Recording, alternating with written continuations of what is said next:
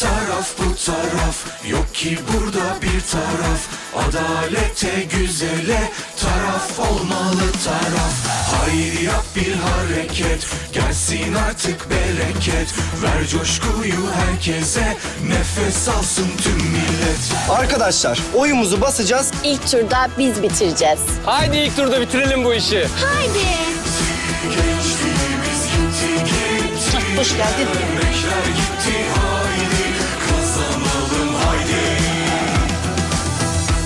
Haydi hep birlikte sandığa. Sana söz Türkiye kazanacak. Haydi. Haydi Türkiye haydi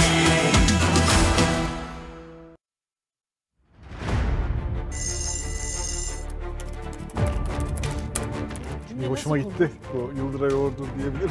Okumadan olur mu ya? Başımıza düşer. Yok sen oku ben. Şey oldu, krize... Bilgisayarım bozuldu, çok üzüldüm. Bilgisayarım bozulmuş. Depresyondayım.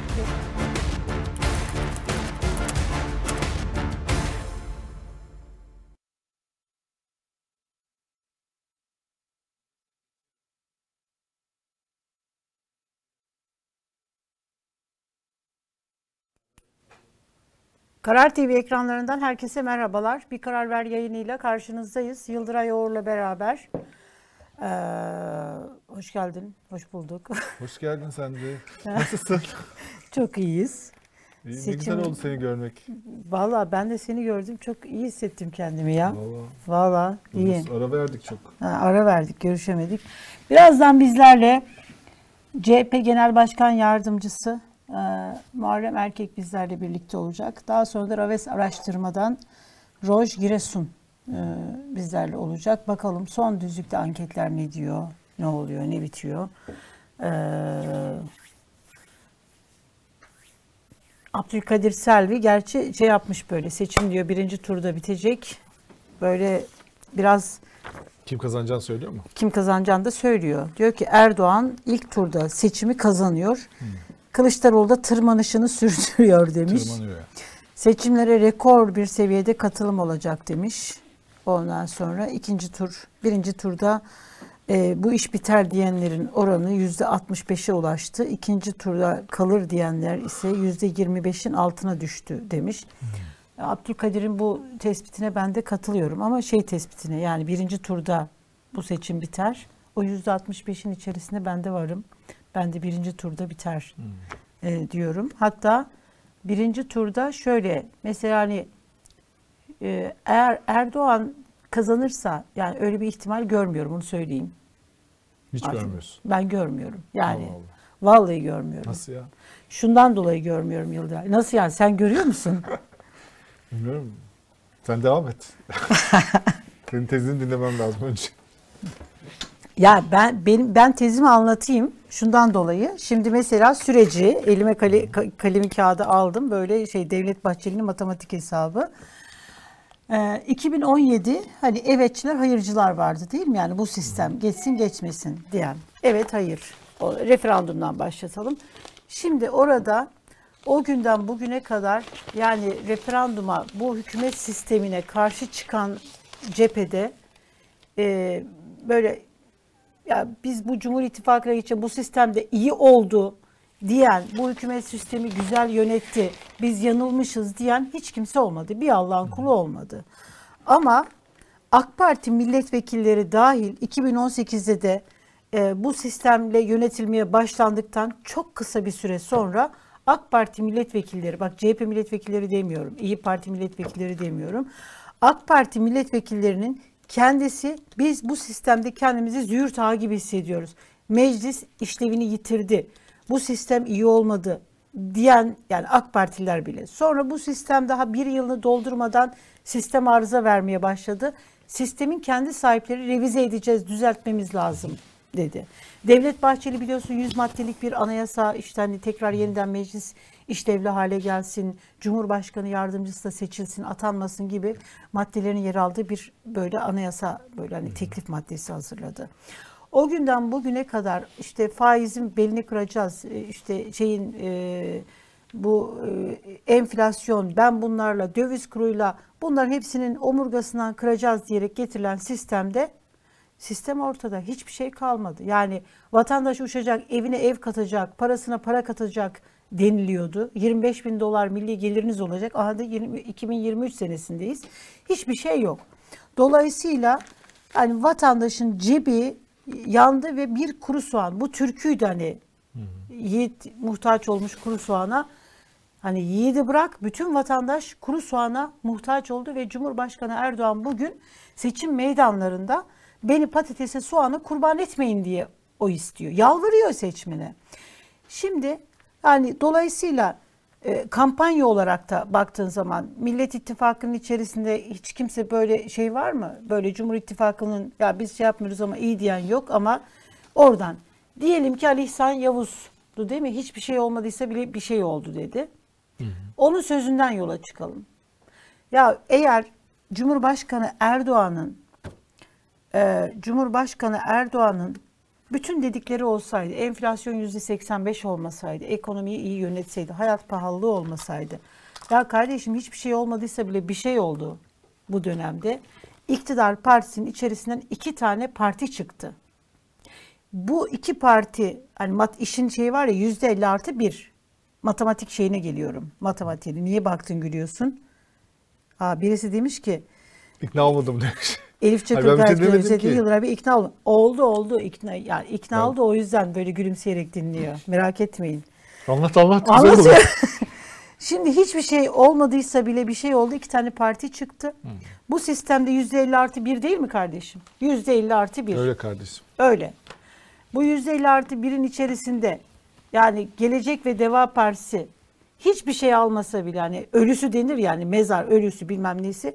Ya kardeşim 1 milyon AK Parti'nin içerisinden oy alsalar bak 1 milyon 500 bin işte 600 bin birisi aldı 400 bin birisi aldı. Hiçbir şey olmadıysa bir, bir şey oldu.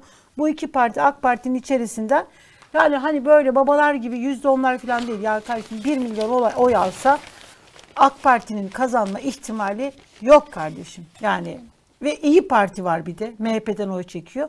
Dolayısıyla ne yaparsanız yapın olmuyor. E, iki, şimdi mesela şey de oldu.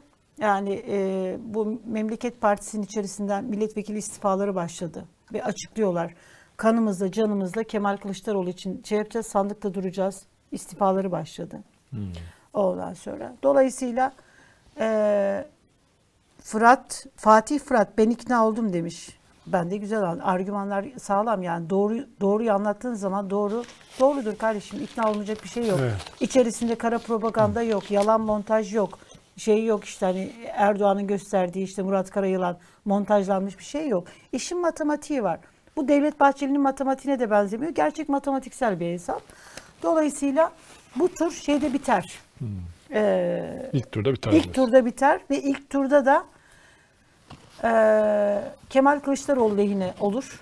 Sadece oradaki hani birle mi biter, nasıl olur bunu bilmiyorum. Ama şunu biliyorum ki Cumhurbaşkanı Erdoğan'ın, hadi size bir şey vereyim. Cumhurbaşkanı Erdoğan'ın önüne giden, giden hiçbir ankette Cumhurbaşkanı Erdoğan'ı kendi anketçileri Cumhurbaşkanı İlk Erdoğan'ı önde biter demiyor. e, Hayır. Kemal, Kendisini önde kendisini göstermiyor. önde göstermiyor. Siz o genera bakmayın. Ali İhsan işte hani o Sonara filan Fa- Faruk Bayrakçı'ya da bakmayın kardeşim. Ondan sonra eğer ki Bayrakçı size mı? şunu Faruk Bayrak Değil değil. neydi? Karıştırdın. Hakan Bayrakçı. Hakan Bayrak. Ay pardon çok özür İki araştırma şirketi sahibini karıştırdın. Karıştırdım. Olabilir yani. Yani Şimdi- bu kadar. Ya evet. bir şey söyleyeceğim. Ee, siyasetçiler bile dilleri sürçüyor. Neler neler tabii, söylüyorlar. Yani seni, tamam. ben benim çok bariz bir şey değil. Bir şey daha söyleyeceğim Yıldıray. En büyük anket ne biliyor musunuz arkadaşlar? Size şunu söyleyeyim. En büyük anket Cumhurbaşkanı Erdoğan'ın bizatihi kendisi. Eğer Cumhurbaşkanı Erdoğan seçimi kazanıyor olsaydı böyle var ya yumuşacık böyle hani çok güzel sevgi dolu bir Erdoğan görürdük. Derdi ki HDP'lik HDP'ye oy verenler de bizim, CHP'ye oy verenler de bizim. Ondan sonra Evet. güzel olacak filan derdi. Hiç ağzını filan bozmazdı. Dilinde, söyleminde öfke olmazdı, kışkırtma olmazdı. Tam buradan Hiçbir ben şey devam olmazdı. edebilir miyim? Et. Eğer Cumhurbaşkanı Erdoğan'ın sinirleri bozuldukça anlayın ki kaybettiğini görüyor. En büyük anket bu. Hiçbir anket şirketine de bakmanıza gerek yok. Evet. Şimdi bu e, söylediğinden hareketle dün tabii bu Erzurum'daki olay üzerine ilk tepkiler helal olsun manasında şeylerdi. Yani Evet. e, oraya gidersen böyle olur. Evet. Dadaş sana bunu yapar. Sanki bütün Erzurumlar yapmış gibi. Ee, işte sen de işte şunu yaptın, tahrik ettin. İşte anlatacağım size nasıl tahrik ettiğini. İşte kudurttu falan böyle dünkü ak- ak- haberlerinden şey yapıyoruz. İlk önce böyle bir şey tepki verildi. İstanbul mitingimizi gölgelemek için kendi kendini taşlattı. Evet. Yani bir insanların başı orası Erdoğan burası kan içinde. ya. E, Erdoğan da böyle ortalama bir Evet. şeyler söyledi. Ondan sonra ama dün ne oldu? Şey yani ilk günden sonraki gün ne oldu? Ömer Çelik kınıyoruz. Şiddet kabul edilemez. Bakır Bozdağ gözaltına alınanlar var. Bir anda şey değişti. Çünkü iyi olmadı. Olmadı. İyi olmadı. Peki o zaman ne oldu? O zaman hemen taşın Gelsin altından FETÖ çıktı. Ya Bu taşın altından da FETÖ çıktı. burada da bunu yapmayın be kardeşim. Şimdi Buraya, bu bunu olay FETÖ'ye bu bağlamayın Yeni ya. Şafak bunu manşet yapmış. Allah Şimdi bu şeye göre e, Yeni Şafak'ın ulaştığı bilgilere taş atanlardan biri istihbaratta görevli uzman çavuş Muhammed Akif K çıktı. Akif K FETÖ'den işlem görmüş. Yani diyor ki Yeni Şafak e, bir e, uzman çavuş taş atmış ve sonra gözaltına alınmış. E, bu da FETÖ'den daha önce işlem görmüş. Haber sonra da haber şöyle bitiyor yalnız bak. Dün sabah gözaltına alınan Mehmet Akif K adliyeye sevk edildi diye gidiyor. Şimdi 12. sayfaya doğru gidiyoruz. Haberi anlamaya çalışıyoruz gerçekten. Bu taşın altından da mı FETÖ çıktı? Sonra okuyoruz, okuyoruz, okuyoruz, okuyoruz, okuyoruz. Geliyoruz sonra da şöyle bir bilgiye sahip oluyoruz. K polis ifadesinin ardından adliyeye sevk edildi. Akif K adli kontrol şartıyla serbest bırakıldı. Bak şimdi bütün Türkiye'nin konuştuğu provokasyon tamam mı? Ya Ya, bir olay. şey- Taş yani FETÖ taş atma organizasyonu yapmış CHP'ye yardım etmek için. Haberin özeti bu. Ee, ve e, bu adamın FETÖ'den işlem gördüğü ortaya çıkmış. Bunu demek ki şeyler tespit etmiş ki yani yoksa uzman çavuş nasıl gözaltına alınır değil mi? Yani taş atman Evet. uzman çavuş böyle bir şey mi olur? Şey yapılmış gözaltına alınmış fakat final serbest bırakılmış. yani haber niye yapıyorsunuz o zaman bunu? Yani ne demek istiyorsunuz? Yani her şey herkes bu iş için içinde o zaman. Yani uzman çavuş, savcı, hakim. Bir defa uzman çavuş FETÖ'cüyse niye hala uzman çavuş? Değil mi? Yani FETÖ'cüleri tasfiye ediliyordu ya. Niye uzman çavuş? Niye taş atıyor? Hala o mu taş attı? Bu adam mı gerçekten o? Niye hani her şey tespit edildi, manşete kadar çıkardınız, niye serbest bırakıldı? Esas soruya gelelim. E bu eylem İmamoğlu provokasyonuyla olmamış mıydı? Dün öyle değil miydi haberler? İmamoğlu provoke etmemiş miydi? Erzurumluları da. Onlar da Taşlı milli dadaş oldukları için milli duygularıyla taş Evet, atmamışlar evet. mıydı? Eylem iyi değil miydi yani hani? Hani tırnak içinde. İyi olmamış mıydı? Şimdi bugün niye tekrar bugün FETÖ oldu? Ya bunlar gerçekten yani bunun bir müşteri kitlesi inşallah yoktur. Yani o kadar aptal değiliz ya. O kadar aptal değiliz gerçekten. Yani bence bu toplum da zannettiğiniz aptal zannediyorsunuz herhalde insanları. Kimse o kadar aptal değil yani. Hani hoşuna gitmediğinde, hoşuna gittiğinde eylem, milli direniş, dadaşların bölücülere karşı milli direnişi. Baktın ki pek de iyi tepkiler gelmiyor. Sanatçılar falan, Tarkanlar, şeyler herkes bunu kınayan tweetler atıyor. Bir anda böyle bir konsolide oldu etraf. Aa, taş, FETÖ. FETÖ'ymüş bu. Ama adam bırakılmış. Çünkü herkes işin içerisinde.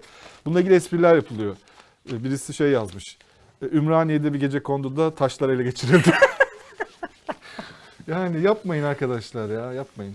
Ya iyi iyiyse iyi deyin, kötüyse kötü deyin. Yani Şu taş atana Zafer- kötü deyin zaten yani birisinin taş atması iyi bir şey değildir ne uğruna olursa olsun yani. Taş atmak iyi değildir arkadaşlar yani.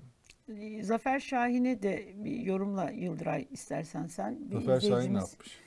Dün akşam e, demiş ki miting yapmaya izin almadığınız yerde miting yapmaya kalkarsanız taşlanırsınız Ha, demiş. o zaman Zafer Şahin FETÖ'ye destek veriyor. O zaman öyle diyebilir. Çünkü FETÖ ise olay, FETÖ ise o zaman bu eyleme destek veren herkes de FETÖ'ye destek veriyor. Böyle Zafer denilebilir. Şahin iktidarı savunuyor ama. Ama o zaman FETÖ'ye destek. Zaten bu haberin şeyi de ilginç mesela haberin altında demokrasi havarisi oldu. Üslubunda sıkıntı var diyor. Yani üslubunda sıkıntı olması zaten FETÖ ise orga, provokasyonuysa üslubu falan önemli olmaması lazım değil mi?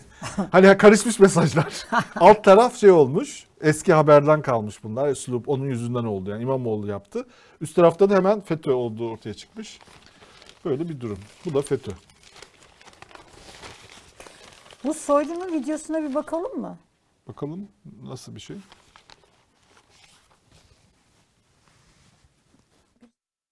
Yıldız. Ve yerli ve milli yazılımdır. Evet ekran kaydı varken güven korumaya aldık yani. Şu anda Bu, kayıt. bu WhatsApp'tan daha kıymetli bir şeydir. Biraz anlatabilir misiniz? Yani dünyada bunun benzeri yok. Ne özelliği var Sayın Bakan? Bunun her özelliği var.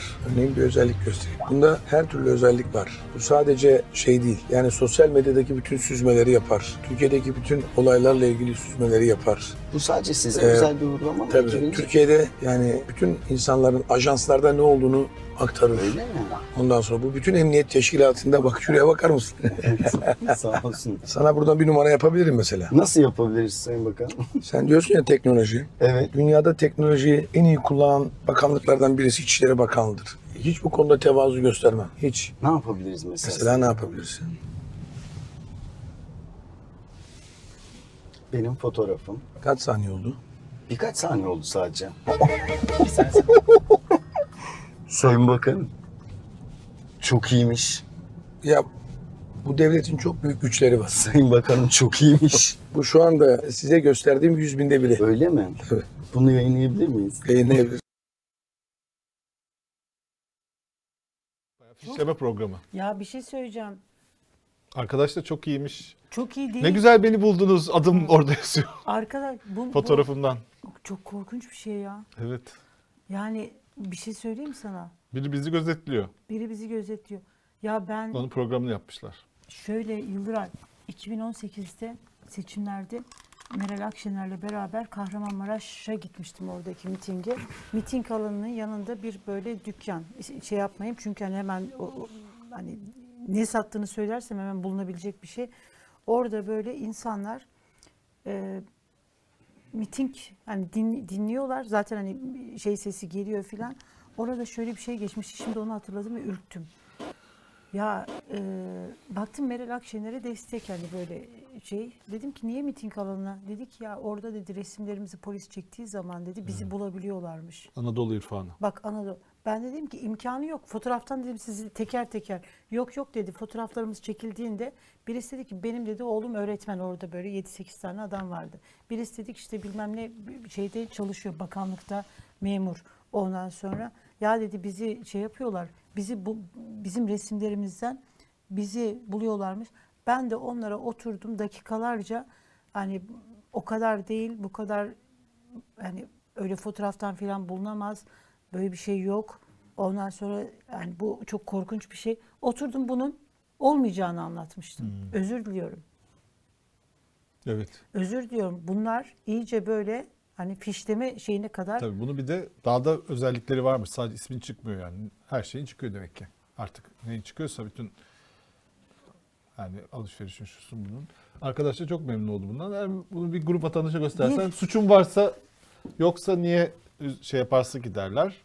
Ama bu böyle bir şey yani. Fotoğraf fotoğraf üzerinden seni devletimiz her an her şeyini döküyor ortaya. Bir tane fotoğrafla suçlu olup olmaman o zaman önemli değil. insanların miting alanlarına Şapkayla gidin hı, korkuyorsanız. kor- yani miting- Sokaklarda da öyle gezmek Hayır, lazım. vatandaşın böyle hani şey- şeyle maske takalım öyle gezelim. Yani bu ülkeyi Bir de siz- şeylerden çekiliyoruz biliyorsun. Ee, mobeselerden de mobeselerden de çekiliyoruz. çekiliyoruz. Bir de programın adı da Yıldız'mış. Ee, Yıldız biliyorsun Yıldız e, Abdülhamit istihbaratının teşkilatı hani Yıldız ya jurnalcilik. Evet, Çok da onu da jurnalcilik. güzel bulmuşlar onu. Böyle bir durum. Göstere göstere yapıyorlar bir de. Bir de bunu işleri. gösteriliyor. Yani Göster- diyelim ki devletin elinde böyle bir imkan vardır da bunu böyle e, sosyal medya e, fenomenine şov yapamazsın bununla yani. Yani çok büyük imkanlarımız var diye. Ama işte Bu kadar açıktan yapılıyor artık bu işler de Yıldıray artık. şey vardı ya hani dedim ya güç böyle bir şey. Yani e, güç zehirlenmesi var ya güç. Yani bu böyle e, insanı esir aldığı zaman o güç şöyle bir şey var. O güce sahip onu göstermek ister. İşte Erdoğan da mesela e, seçim kararını kendisi aldı. Neden? Öyle bir yetkisi, öyle bir şey var. Bunu ben bu güce sahibim ve bu seçime, bu ülkeyi, bu kararnameyi imzalayarak e, Doğan Özkan maskeyle gezmek yasak Elif Hanım. Ya biliyorum arkadaşlar tabii ki. Yani ben sadece olayın vahametini anlatmak için e, söyledim böyle. Ee, Ama bu hale getirecekler. Yani George Orwell'ın 1984 romanı adam roman olarak hani bu bunu aşan bir şey. Şimdi hani ya bu çok korkunç bir şey Yıldıray. Acayip bir şey. Yani Erdoğan da bunu göstermek istedi. Bu böyledir. Senin bir gücün varsa bunu göstermek istersin. Yargı da bunu göstermeye çalışıyor. Hukuk benim emrimde. Sopa olarak bunun için kullanmaya çalışıyor. Diyor ki ben güçlüyüm. Bu güç bende. Bunu e, kullanılmayan bir gücün anlamı yok onun için. Bunu gösterecek ki ne kadar böyle hani güçlü. Ne yapmak istiyor? Ne ne şeyi varsa çok acayip bir şey ya. Bir İçişleri Bakanı abi Şükrü Kaya ile benzetiliyor ama yani ben Şükrü de Kaya'nın elinde böyle imkanlar yok tabii. Şöyle ben e, Süleyman Soylu'yu ilk böyle Şükrü Kaya'ya benzeten herhalde isimlerden birisi olabilirim. Ama Şükrü Kaya bile elinde böyle bir imkan olsaydı Göstermezdi. bunu göstermezdi kardeşim. Devlet adamlığı filan bilmem ne derdi göstermezdi. Bunlarda iyice akıl bütün her şey gitti yani. Allah Allah. Allah Ee, Allah. bu yani çok acayip bir şey. Şeyi bir tane de bir video var. Bir ilginç Z kuşağının yani kuşaklar arası farklarla ilgili bir şey gösteriyor. Onu indirebildik mi? Ee, Evet. Bir hazır mı arkadaşlar? Geliyormuş. yani. Bir izleyelim onu da da. CHP. Bana fikirleri uyuyor. Evet ondan. Cumhurbaşkanlığı seçiminde adayımız. Melat. Biz iyiyim sen ne yapıyorsun? İyi be. Kime vereceğiz oyunu bak. CHP. CHP. Benim için fark etmez. Ha- Bir tanesi gelsin başa da hayırlısı. Oy kullanabiliyor muyuz? Kullanamıyorum da Kemal Kılıçdaroğlu. O da Kemal Kılıçdaroğlu veriyor. Soruna mı verecek? Aslında AK Parti'ye vereceğim de abi şak değil ki bana şey Kemal'a verdi. Bilmiyorum. Verecek misin Öyle. peki? Vereceğim. İkna mı etti torun seni? Torun mu oluyor? Evet, Torunum torunum. Evet. Torunum. Kemal'e kurtuluş. Bak gençlerim Kemal. Neyse hakkımızdan hayırlısı oğlum. Hangisi gelirse gelsin ama gene de herhalde Kılıç'a vereceğiz. AK Parti'ye verecekmiş ama torun ikna etmiş. Çok böyle kuşaklar arası fark var yani. Bir, bir kuşak onlar artık onlar her türlü kararını vermişler. Ama gençler şey yani gençlerde bir farklılık var. Yani hani normalde yakın olur yani hani kuşaklar arası. Bu sefer bayağı bir makas açılmış durumda. Öyle görünüyor. Evet, çok e, gerçekten e, enteresan. Bu Ali Babacan'ın e, Fox yayına e, Evet ona Zeynep eşiyle Babacan bir- çıkmış. Evet. Bir bakalım mı arkadaşlar bakalım. orada? Hadi bakalım.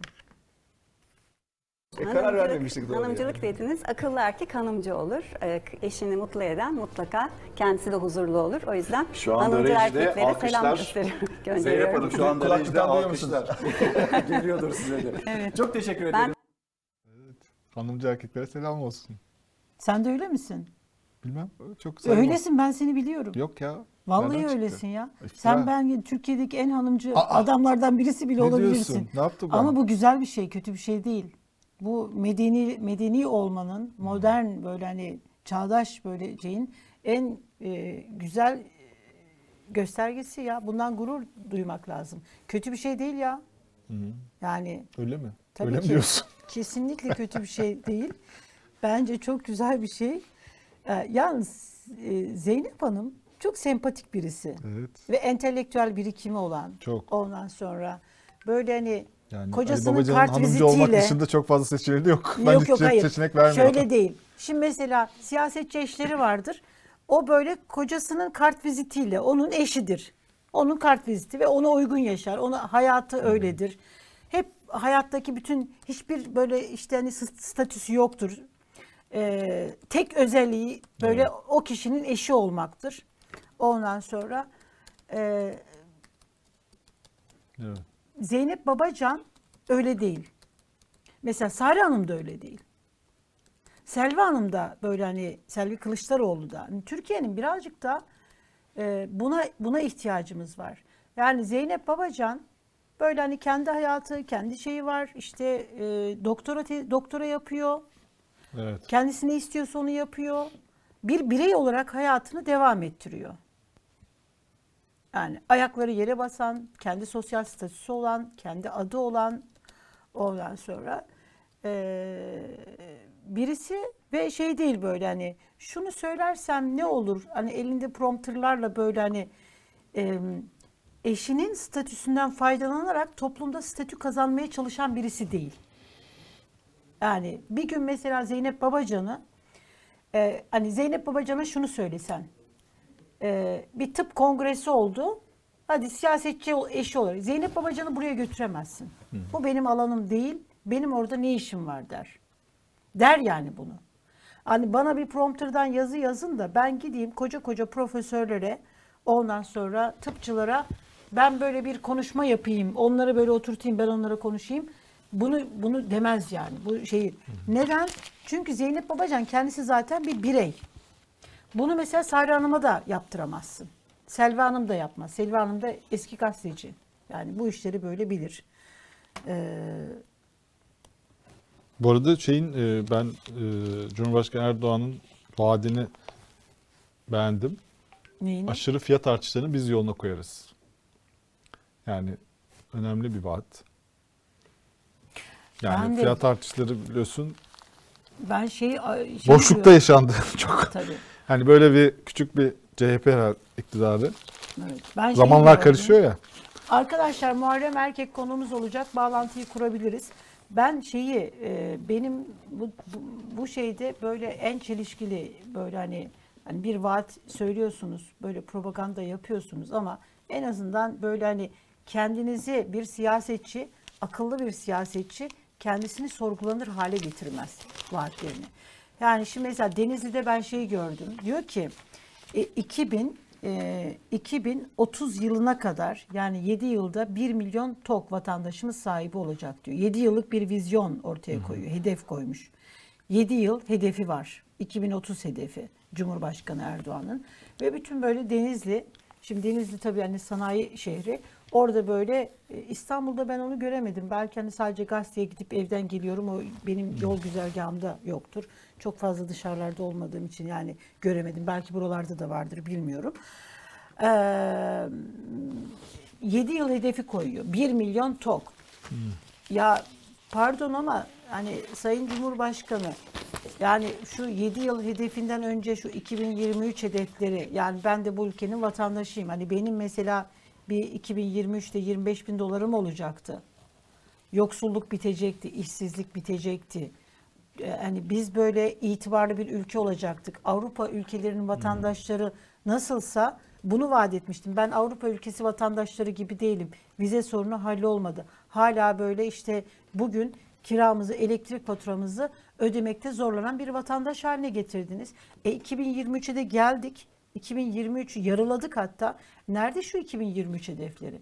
Mesela hani 25 bin dolar olacaktı. Onu da 16 bin dolara düşürdünüz. Şimdi yeni vadi biliyorsun 16 bin dolar diyorlar. Buna düşürdünüz. E ne oldu? Bu enflasyon bu işte hani faizi de düşürdün düşürdün düşürdün kağıt üzerinde. Ondan sonra düşürdün ama hiç benim markete gittiğim zaman bu buna bir yansıması falan yok. Yani bu TOK'tan önce hani bir bu vaatleri bir yerine getirseydiniz güzel olmaz mıydı?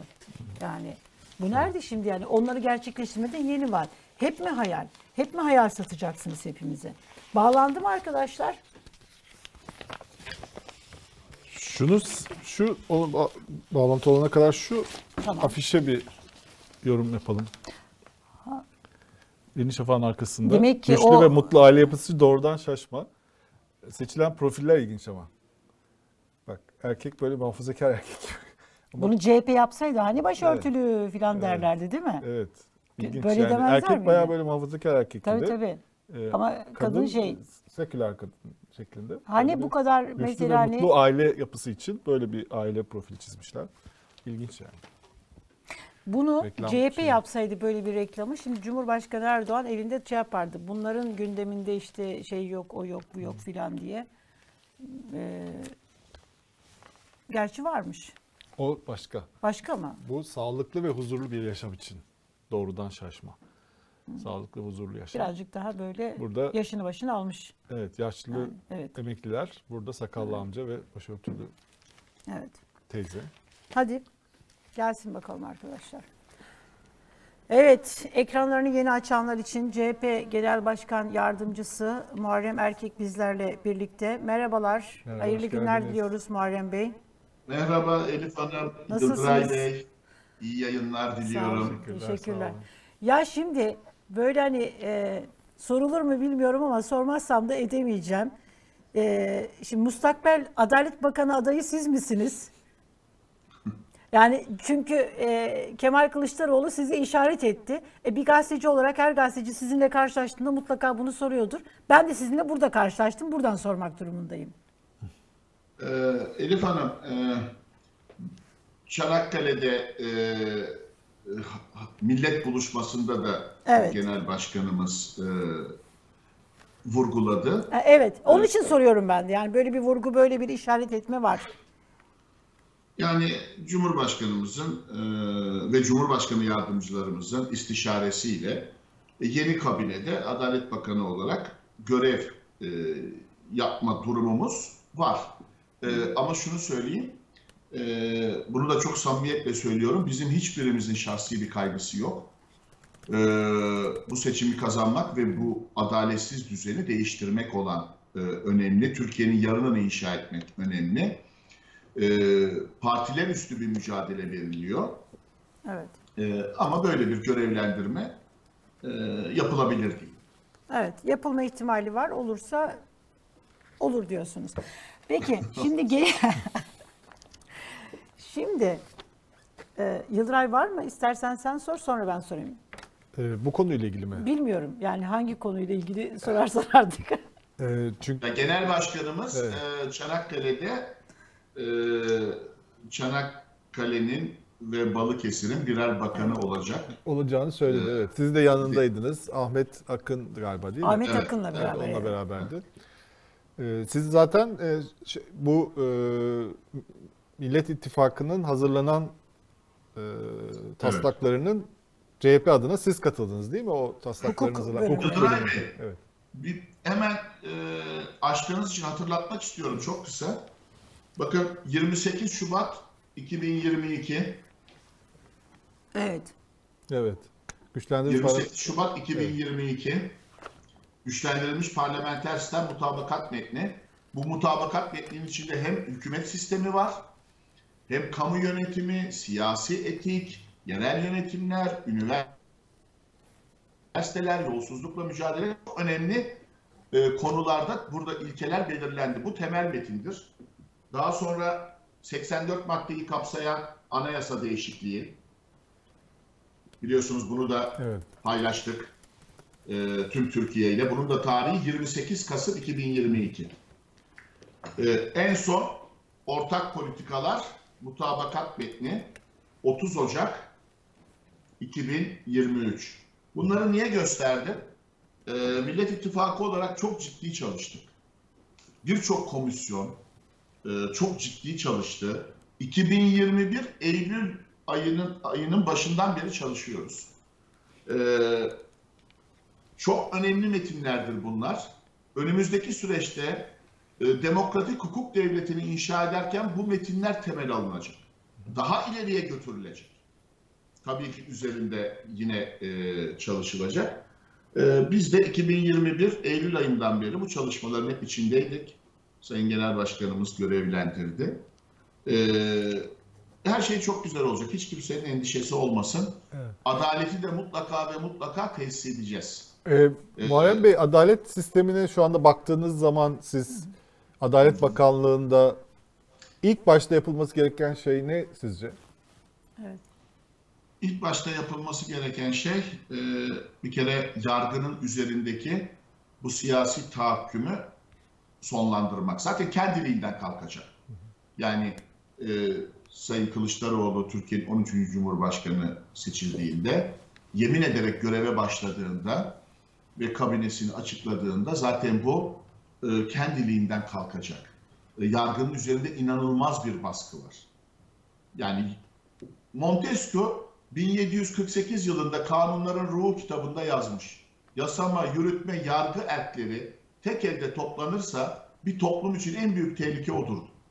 Türkiye bugün bunu yaşıyor. Hukuk güvenliği yok. Niye yatırımcı gelmiyor? Bakın e, programın başında siz birçok konuya değindiniz. Kişi başına düşen milli gelir, e, işte huzurlu aile diyoruz, sağlıklı aile diyoruz. Nasıl olunabilir huzurlu aile, sağlıklı aile? TÜİK'in son verilerini takip etmişsinizdir. Bakın TÜİK bile 2022 yoksulluk ve yaşam koşulları istatistiklerini yayınladı. 2022 yoksulluk ve yaşam koşulları istatistikleri. Ben incelediğimde TÜİK verilerinde dahi ne kadar derin bir yoksullukla karşı karşıya olduğumuzu görüyoruz. Birkaç oran paylaşabilir miyim? Tabii, Tabii, ki. buyurun. Buyurun. Mesela Türkiye'de hanelerin, ailelerin yüzde altmışı e, evinden uzakta bir üç gün, beş gün, bir hafta tatil yapamıyor. Yapamıyor. Böyle bir imkanı yok. Evet. Yüzde 59,6 TÜİK'in verisi. Ben yüzde 60 dedim. Yüzde 59,6. Tatil yapamıyor insanlar. Eşiyle, ya çoluğuyla, çocuğuyla. Yüzde 41,5 hanelerin bütün Türkiye'deki hanelerin yüzde 41.5'i iki günde bir bir et, balık veya tavuk içeren bir yemek tüketemiyor. Bakın herhangi biri yani. Tavuk da olabilir, balık da olabilir. Et, yani etli veya tavuklu bir yemek tüketemiyor. Hanelerin yüzde 41.5'i. Yüzde 31.1'i. Yüzde 30'un üzerinde bir rakam. Hanelerin yüzde 31'i, 32'si beklenmedik bir harcama çıktığı zaman bunu karşılayamıyor. Hastalandı diyelim bir şey oldu. Herhangi bir beklenmedik bir harcama çıktı. Acil bir bir şey oldu. Karşılayamıyor biliyor musunuz? Ya gerçekten çok e, hak etmediğimiz bir tablo. Hanelerin yüzde 20.4'ü ısınma giderlerini karşılayamıyor. Başka bir şey daha söyleyeyim. Bunların hepsi de TÜİK'in verileri. Bakın. TÜİK verileri bunlar, resmi veriler. 2022 yoksulluk istatistikleri, yaşam koşulları istatistikleri. Hanelerin yüzde 65.4'ü, yüzde 65.4 çok eskimiş mobilyalar, eşya yenileyemiyor, değiştiremiyor eskimiş eşyaları. Nasıl huzurlu aile olacak? Nasıl sağlıklı aile olacak? Çocuklar protein alamıyor. Nasıl sağlıklı olacak o çocuklar? Nasıl sağlıklı nesiller yetiştireceğiz biz? Böyle bir yoksulluk olur mu? Toplumun yarısından fazlası 86 milyon çok büyük bir ülkeyiz. Nüfusun yarısından fazlası derin bir yoksullukla karşı karşıya. Emekliler, asgari ücretliler, işsizler, üniversite mezunu gençler, ev kadınları yarısından fazlası derin bir yoksullukla karşı karşıya. Bunun sorumlusu kim? En başta Erdoğan ve Türkiye'yi yönetenler. Bu tabloyu yaratmışlar. Ondan sonra sizin biraz önce vurguladığınız gibi 2023 taahhütlerinin tamamı iflas etmiş. Hiçbirini yerine getirememişler. Ya bizim kişi başına düşen milli gelirimiz niye 30 bin dolar 40 bin dolar olmasın? Şu anda resmi rakamlar 10 bin dolar diyor ki ben ona da inanmıyorum. Milyonlarca sığınmacı var çünkü. Onlar hesaba katılmıyor. O rakamlar da yüksek gösteriliyor. Yani kişi başına düşen milli gelirimiz gerçekten 10 bin liraysa bizim. Bu ne demektir? 5 kişilik bir aile düşünün. 5 kişilik bir aile 5 çarpı 10 bin dolar 50 bin dolar. Yıllık 50 bin dolar en az o haneye girmesi lazım. Bu demektir bu. Yani aylık yaklaşık 80 bin 100 bin lira yapıyor Türk parasına çevirdiğimizde. Kaç haneye giriyor bu para Türkiye'de? Bu yoksullukla mücadele etmemiz lazım. Bu da adaletle mümkündür. Bakın adalet derken mahkeme salonlarındaki adaletin yanında gelir dağılımında adalet, sosyal adalet, fırsat adaleti bunları sağlayacağız. Ve üreten güçlü bir Türkiye. Ben Bilgi şimdi- üretecek üniversiteler. Evet. Bilgi üretecek. İlk 500'de üniversitemiz kalmadı. Üniversiteleri özgürleştireceğiz. Üniversiteler bilimsel, idari ve mali yönden özgür olacak, özerk olacak. Her düşünce üniversitede tartışılacak, bilgi üretecek. İlk 500'de üniversitemiz kalmadı. Nasıl zenginleşeceğiz? Üniversiteleri bilgi üretmeyen bir ülke katma değeri yüksek ürün üretebilir mi? Teknolojik ürün üretebilir mi? Bugün teknolojik ürün ihracatında 250 milyar dolar Almanya, biz 4 milyar 5 milyar dolar. Nasıl rekabet edeceksiniz? Üniversiteleri bu hale getirirseniz, İnşallah göreceksiniz Boğaziçi, ODTÜ, o e, rektörler de hemen değişecek. Liyakat sahibi insanlar gelecek üniversitelerin başına. Muharrem Bey, şimdi her şeyin başı hukuk. Hani hukuk olmazsa bir ülkenin kalkınması mümkün değil. Hukuk, ekonomi iç içe. Ama bir ayağı daha var. Hukuk, ekonomi, demokrasi. Bunlar da yani üçü de birbirine bağlı. Gelişmesi, yerleşmesi için bunların olması gerekiyor.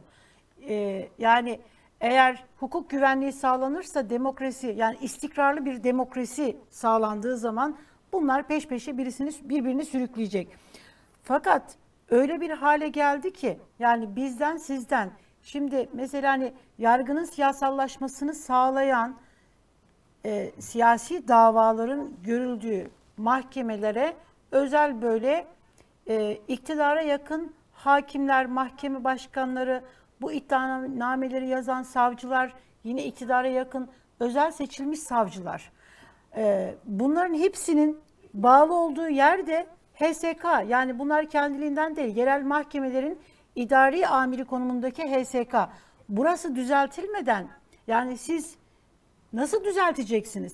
Dolayısıyla biraz önceki hani Yıldıray'ın sorduğu nereden başlayacaksınız? Hani ne sorun görüyorsunuz? Sorusuna Yıldıray'ın adalette hani ilk olarak hani sorun ne görüyorsunuz'a ben nereden başlayacaksınız? Yani HSK'dan başlamak gerekiyor. Peki HSK'dan mevzuya işe nasıl başlayacaksınız? Bir planınız programınız var mı? Ben bunu merak ediyorum. Çünkü en önemli sorun bu.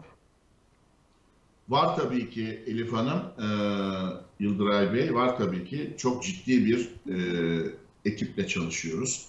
Evet. Siyaset ekip işidir, kadro Evet. işidir. E, yargıda çok önemli görevler üstlenmiş, çok saygın isimler de var bu ekibin içinde. Evet. E, önemli hukukçular da var. Yani biz e, hiç kimsenin endişesi olmasın. Liyakat temelinde yalnızca Adalet Bakanlığı değil, devleti liyakat temelinde hızlı bir şekilde yapılandıracağız. Tabii ki hakimlerin, savcıların durumu çok farklıdır. Evet. Ee, ama ben inanıyorum ki yeni bir cumhurbaşkanı, yeni bir yönetim anlayışı, yeni meclis. Mecliste de çoğunluğu alıyoruz yani hiçbir sorun yok. Ee, yeni bir dönem başlayacak, yeni bir siyaset kültürü, yeni bir yönetim anlayışı ve e, Cumhurbaşkanımızın Sayın Kemal Kılıçdaroğlu'nun en önem verdiği şey adalet. Evet. Hep diyor ya bu memlekete adaleti ya getireceğiz ya getireceğiz. Evet. Herkesin adaletin tecelli etmesi için çok çalışması lazım. HSK üyeleri de, yargıçlar da, savcılar da ve çalışacaklar ben eminim. Ee, siyasi davalar evet var birçok suçsuz insan cezaevinde. İşte e, örneğin Gezi davasının dosyası ben bir hukukçu olarak o dosyayı da inceledim. Yani kurguya dayalı iddialar. Zaten Ağır Ceza Mahkemesi oy birliğiyle tahliye ve beraat kararı vermişti. O heyeti dağıttılar. Ee, yargının üzerindeki baskı kalktığı anda yargının içerisinde e, hukukla bağlı, vicdanıyla bağlı çok değerli yargıçlar, savcılar var. Ee, siz yargıyı rahat bıraktığınızda adalet mutlaka ve mutlaka tecelli eder. Ee, yapacağımız çok önemli işler var. Silahların eşitliğini sağlamak gibi ceza yargılamalarında savunmayla iddia makamı, e, illerde başsavcılıklara bağlı adli kolluk, adli kolluk e, teşkilatının e, kurulması gibi. Tabii ki bazı şeyler e, anayasa değişikliğiyle ve güçlendirilmiş parlamenter sisteme geçişle gerçekleşecek. Evet. Ha- Hakimler Savcılar Kurulu'nu ayıracağız. Hakimler Kurulu, Savcılar Kurulu olarak. Adalet Bakanı Savcılar Kurulu'nun başkanı olacak. Hakimler Kurulu'nda olmayacak. Ee, hakimlerin e, tam bir güvence içerisinde görev yapmalarını e, sağlayacak. E, her şey çok güzel olacak merak etmeyin. Evet. Yani biz çok ciddi çalıştık, hazırlandık. Ee, yalnızca bütün arkadaşlarımız çok uzun zamandır e, çalışıyoruz. Temel ilkelerimizi e, belirledik. Programlarımızı e, belirledik. E, çünkü devlet e, dediğiniz yapı e, çok derin, çok geniş, çok büyük Türkiye Cumhuriyeti Devleti. E, onun için iktidar e, olacağımızı da bildiğimiz için, inandığımız için bu hazırlıklarımızı yaptık. Hazırlıklı olmak zorundayız.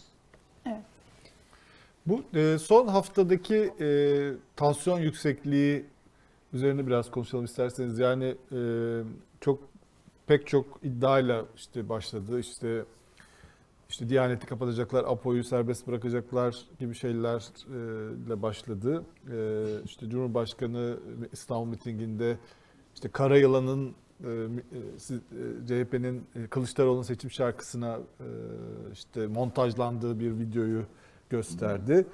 E, seçimlerin darbe olacağı yani darbeye benzetildi seçim. E, işte Türkiye'nin e, bağımsızlığı tehlikeye gireceği söylendi üst düzey yöneticiler tarafından ama en kötüsü de Erzurum'da e, bir şiddet olayı yaşandı. Bir e, İmamoğlu'nun oradaki mitingi taşlandı. Ve bu taşlanmaya da ilk gün epey aslında hani bunu meşrulaştıran şeyler söylendi. Bütün bu gidişatı siz nasıl yorumluyorsunuz? Bazı insanlar bundan ürküyorlar. Yani bunun kötü işaret olduğunu, seçim sonuçlarının tanınması ile ilgili de kötü bir işaret olabileceğini söylüyor insanlar. Siz ne düşünüyorsunuz? Şimdi Yıldıray Bey, e, şu andaki mevcut iktidarın, e, Cumhur İttifakı'nın ve Erdoğan'ın tek derdi var. İktidarımızı nasıl sürdürebiliriz? Bakın tek dertleri bu. Ne ülkeyi düşünüyorlar, ne milleti düşünüyorlar. Zaten dünyada da böyledir. Otoriter, popülist tek adam sistemleri ayrıştırmadan, kutuplaştırmadan beslenir. Biz tam aksine Millet İttifakı olarak bu kutuplaşma girdabına girmesine müsaade etmeyeceğiz ülkemizin. Erzurum'da atılan taşlar kardeşliğe atıldı. Barışa atıldı, birlik beraberliğe atıldı, demokrasiye atıldı o taşlar. Yani e, düşünebiliyor musunuz bir seçim sürecinde önemli bir siyasetçi seçim çalışması için gittiği bir ilde doğal bir kalabalık toplanmış onlara hitap et- etmek istiyor.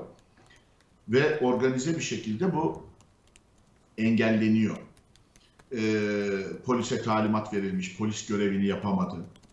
Birçok e, emniyet içerisinden e, devletin polisi olan, e, kanun adına hareket eden çok kişi bizi aradı biliyor musunuz? Çok üzgünüz diye. E, çünkü emniyet güçleri o grubu engelleyemez miydi? Çok rahat engelleyebilirdi. Tam aksine toplanmalarına müsaade edildi, organize olmalarına müsaade edildi.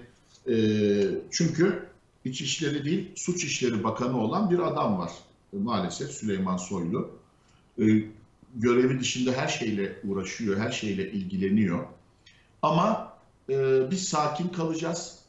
E, hatırlarsınız mecliste grup toplantılarında genel başkanımız sık sık uyarı yapardı. Provokasyonlar olacak. E, özellikle yapacaklar. Herkes sakin kalacak. Sakin bir şekilde demokrasi içerisinde Türkiye tüm sorunlarını e, çözecek. Çünkü bizim derdimiz ülkemiz, memleket meselesi bu gelecek nesillere mutlu, demokratik bir ülke bırakmak istiyoruz. Bu provokasyonları devam da ettirebilirler ama şu var, e, tutmuyor. Bakın Erzurumlular da buna alet olmadı. Yani ben o gencecik taş atan çocuklara da üzülüyorum. Asıl sorun onları kullananlar, azmettirenler. Arkadakiler. Asıl mesele bu. İşte biz niye yalnızca iktidarı değiştirmeyeceğiz, zihniyeti değiştireceğiz diyoruz? korku kültürüne egemen kılmak isteyen bir zihniyet var. Kaybet, kaybettiklerini onlar da görüyor. Evet. Şimdi bugün yüzde ellileri aştı e, Bay Kemal. Yüzde kırkları zorluyor Erdoğan. Zorlamaya çalışıyor. Mecliste çoğunluğu alıyoruz. Onlar görmüyor mu bunu? Görüyorlar. Seçim ilk turda bitiyor. Kazanıyoruz. Ve otoriter bir yapı korktukça daha da otoriterleşiyor. Daha da büyük hata yapıyor. Yani e, işte biraz önce TÜİ'nin rakamlarında bile o derin yoksulluğu gördük. Türkiye'nin meselesi adalet. Bu derin yoksulluk, hayat pahalılığı, işsizlik, sığınmacılar, eğitim, Türkiye'nin temel sorunları bunlar. Bunlar konuşulmaması için yok efendim Kandil'den talimat alıyorlar, yok PKK'dan talimat alıyorlar. Her gün terör örgütlerinin propagandasını yapan bir cumhurbaşkanı düşünebiliyor musunuz? Yani Kandil'den talimat alıyorlar demek. PKK'dan talimat alıyorlar demek. Kandil'in PKK'nın propagandasını yapmaktır ya. Suçtur. Onlara güç katmaktır ya. Bu kadar akıl dışı, sağduyusunu yitirmiş bir yönetim anlayışı olur mu? Kutuplaştırmak istiyorlar, ayrıştırmak istiyorlar. Buna asla müsaade etmeyeceğiz. Kandil'in başında kim var? Abdullah Öcalan var. Abdullah Öcalan'la görüşen kendileri. Kendileri. Evet. Yani e, Türkiye tüm sorunlarını üniter yapı içerisinde, demokrasi temelinde ve Türkiye Büyük Millet Meclisi'nin öncülüğünde çözer. Peki Her sorun. sahada Biz diyoruz Elif Hanım bakın biz ne diyoruz? 85 milyon, 86 milyon barış içerisinde, huzur içerisinde kardeşçe yaşayacağız diyoruz. Onlar neler söylüyor? Aramızdaki fark bu. Mesela Zillet İttifakı diyorlar. Ya Millet İttifakı'na oy veren milyonlarca insana ya bu hakarettir ya. Yani millete hakarettir. Peki sahada bu propaganda karşılık buluyor mu? Çünkü hani şimdi e, karşılık bulmasa e, iktidar böyle bir propaganda dilini de kullanmayabilir. Siz sahadasınız. E, e, seçim kampanya sürecindeyiz. Sahada bu tür tepkiler ya da bu tür böyle ithamlarla karşılaşıyor musunuz? E, bu, bu söylem halkta nasıl e, karşılık buluyor, yansıması ne oluyor? Elif Hanım e, gerçekten karşılığı yok. Ama başka konuşabilecekleri bir şey kalmadı. Neyi konuşacaklar? Adaleti mi konuşacaklar? Ekonomiyi mi? Eğitimi mi? Sığınmacıları mı? Çünkü konuşsalar batıyorlar. Yani memleketi batırdılar zaten. Konuşabilecekleri bir şey kalmadı. Onun için e, işte toplumun yarısından fazlasını böyle terörize etmeye, kutuplaştırmaya, ayrıştırmaya, ötekileştirmeye çalışıyorlar. Acaba bu kutuplaşmadan kendi se- seçmenimizi, tabanımızı konsolide edip çıkabilir miyiz? Dert bu ve çok üzüntü verici. Peki ya sen- inanabilir mi insanlar buna? Ya e, Allah aşkına PKK'nın e, saldırdığı tek lider Kılıçdaroğlu. Bir askerimiz şehit oldu o saldırıda. Artvin Şavşat. Yani e, onun için terörle mücadele, yalnızca terörle değil, yeraltı ve yeraltı ve yerüstü suç örgütleriyle de, mafyayla da, uyuşturucu baronlarıyla da çok kararlılıkla yürüyecek. Ama barışı, kardeşliği, huzuru da mutlaka e, tesis edeceğiz. E, bugün işte sürekli ağzında demir taş, sürekli kandil, sürekli yani başka söyleyebileceği bir şey kalmadı herhalde. Başka anlatabileceği bir şey kalmadı. Bir de sanki muhalefette bir kişi gibi konuşuyor Erdoğan. Ya mesela diyor doğalgazı işte konutlarda ısınma için, sıcak su için bedava vereceğiz. Yani sen iktidardasın zaten ver. Niye vermedin bugüne kadar? Gençlere 10 GB işte internet hakkı bedava. Niye vermedin? Yani ha bir de vermediğin gibi derin bir yoksulluk yarattın. Evet. Bu sisteme bu sisteme e, geçmeden önce dolar 2 liraydı, 3 liraydı. Bakın 20 lira. 20 liranın üstünde işlem giriyor serbest piyasada. E şimdi her gün 73 milyon dolar faiz ediyor Türkiye. Bakın her gün. Bunlar resmi rakamlar. Yani 86 milyon her gün 73 milyon dolar faiz ödüyoruz yurt dışındaki faiz lobilerine. Kim ödüyor bunu? Erdoğan. Türkiye'nin bütçesini faiz lobilerine teslim etmişler. Her gün dolar, 73 milyon dolar. Ve dolar yükseldikçe marketteki her ürünün fiyatı da yükseliyor. Çünkü her şey maalesef dolara endeksli hale gelmiş ekonomide. Çok derin bir yoksulluk var. Derdimiz bu. Evet. Adalet, adaleti tesis ettiğimizde yoksulluğu da yeneriz, yolsuzluğu da yeneriz. Seçim güvenliğini şimdi 5 gün var değil mi seçimlere 5 gün Evet. kaldı artık. Ee, Pazar günü de saydığımız zaman seçim güvenliği şu anda elimizdeki yani önümüzdeki en büyük sorunlardan bir tanesi de yani biz oylarımızı kullanacağız Ee, ama sadece bunu yapabiliriz. Siz mesela seçim güvenliği, sandık güvenliği e, bunlarla alakalı neler yapacaksınız, neler olacak? Biraz bize bundan bahseder misiniz? Belki hani oylarını kullanmak, e, kullanacak olan e, vatandaşlar için hani tavsiyeleriniz olabilir. Ne yapmak gerekiyor?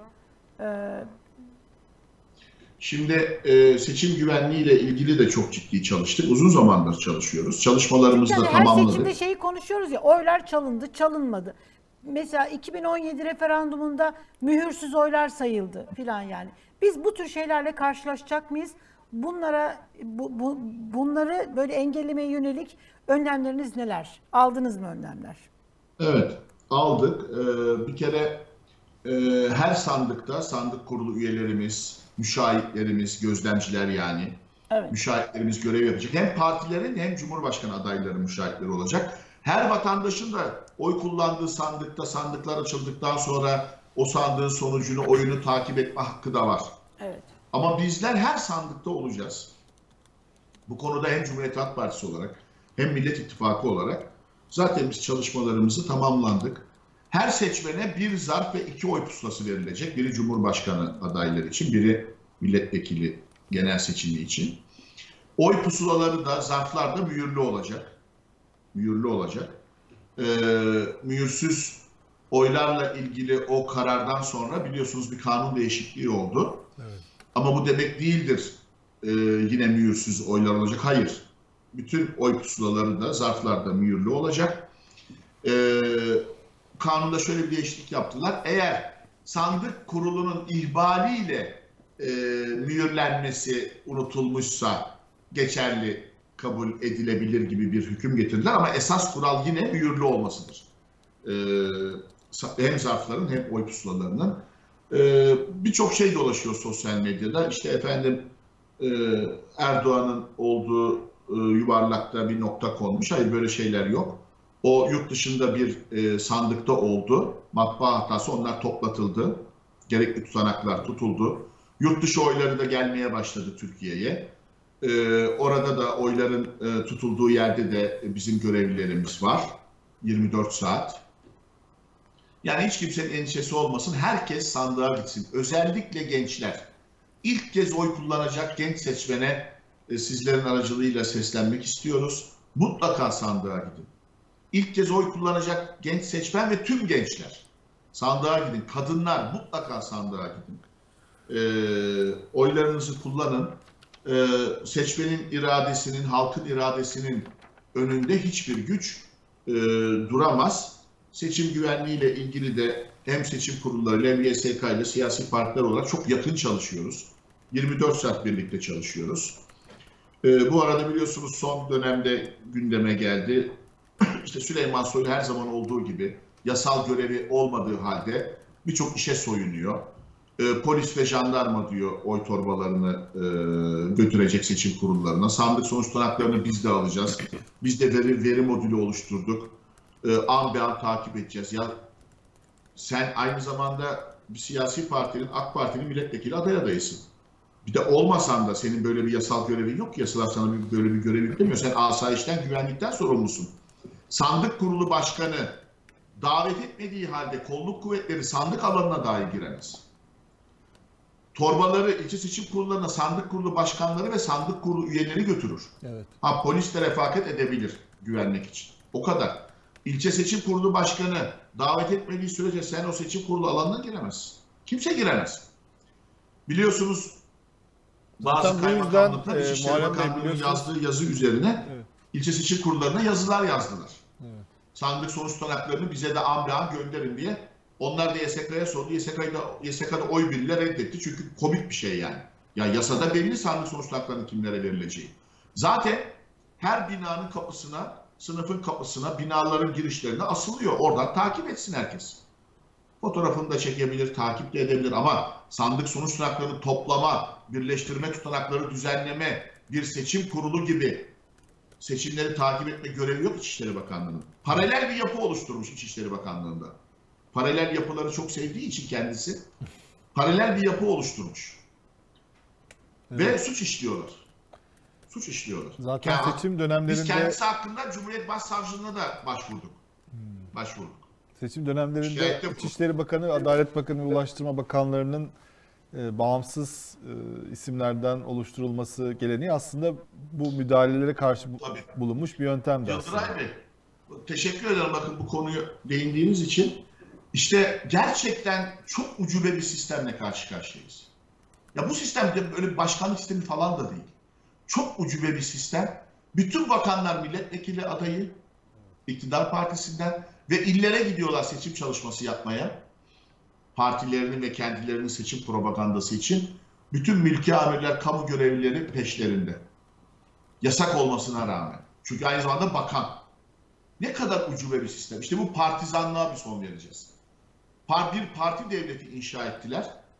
Buna son vereceğiz. Olağanüstü hal döneminde referandumda evet veren vatandaşlar dahi yaşayarak bu sistemin ne kadar ucube bir sistem olduğunu, yanlış bir sistem olduğunu gördüler. Zaten her şey birbiriyle bağlantılı. Sizin de bir- biraz önce vurguladığınız gibi demokrasi, hukuk, adalet, ekonomi. Şimdi sistemle ekonomi de oradan bağlantılı. Bu ucube sistemde Merkez Bankası bağımsız olabilir mi? Mümkün değil. Ama sağlıklı, güven veren bir sistem inşa ettiğimizde Merkez Bankası bağımsız olacak. Bu sistemde, sistemle adalet doğrudan bağlantılı. Bu sistemde yargı bağımsız olabilir mi? Evet. Olamaz. Bunların hepsini düzelteceğiz. Hiç kimsenin endişesi olmasın.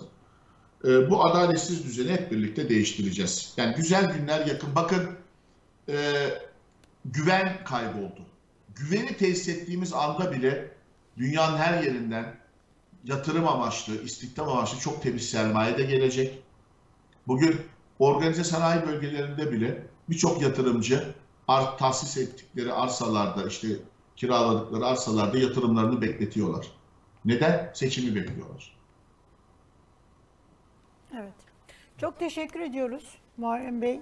Ben de sizlere çok yoğun. teşekkür Vakit ediyorum. ayırdınız, davetimizi kabul ettiniz. Çok teşekkürler. Sağ olun. İyi çalışmalar Sağ olun. diliyoruz. İyi Sağ çalışmalar. olun. Ee, Her şey çok güzel olacak. İnşallah. Çalışmalarınıza başarılar. Hoşçakalın. Sağ olun. Şimdi bu şey söyleyince biraz önce bu hanım köylük falan konuştuk ya Yıldıray. Evet, Sen de buraya gel yavaş yavaş. Doğuş Giresun'u alıyoruz.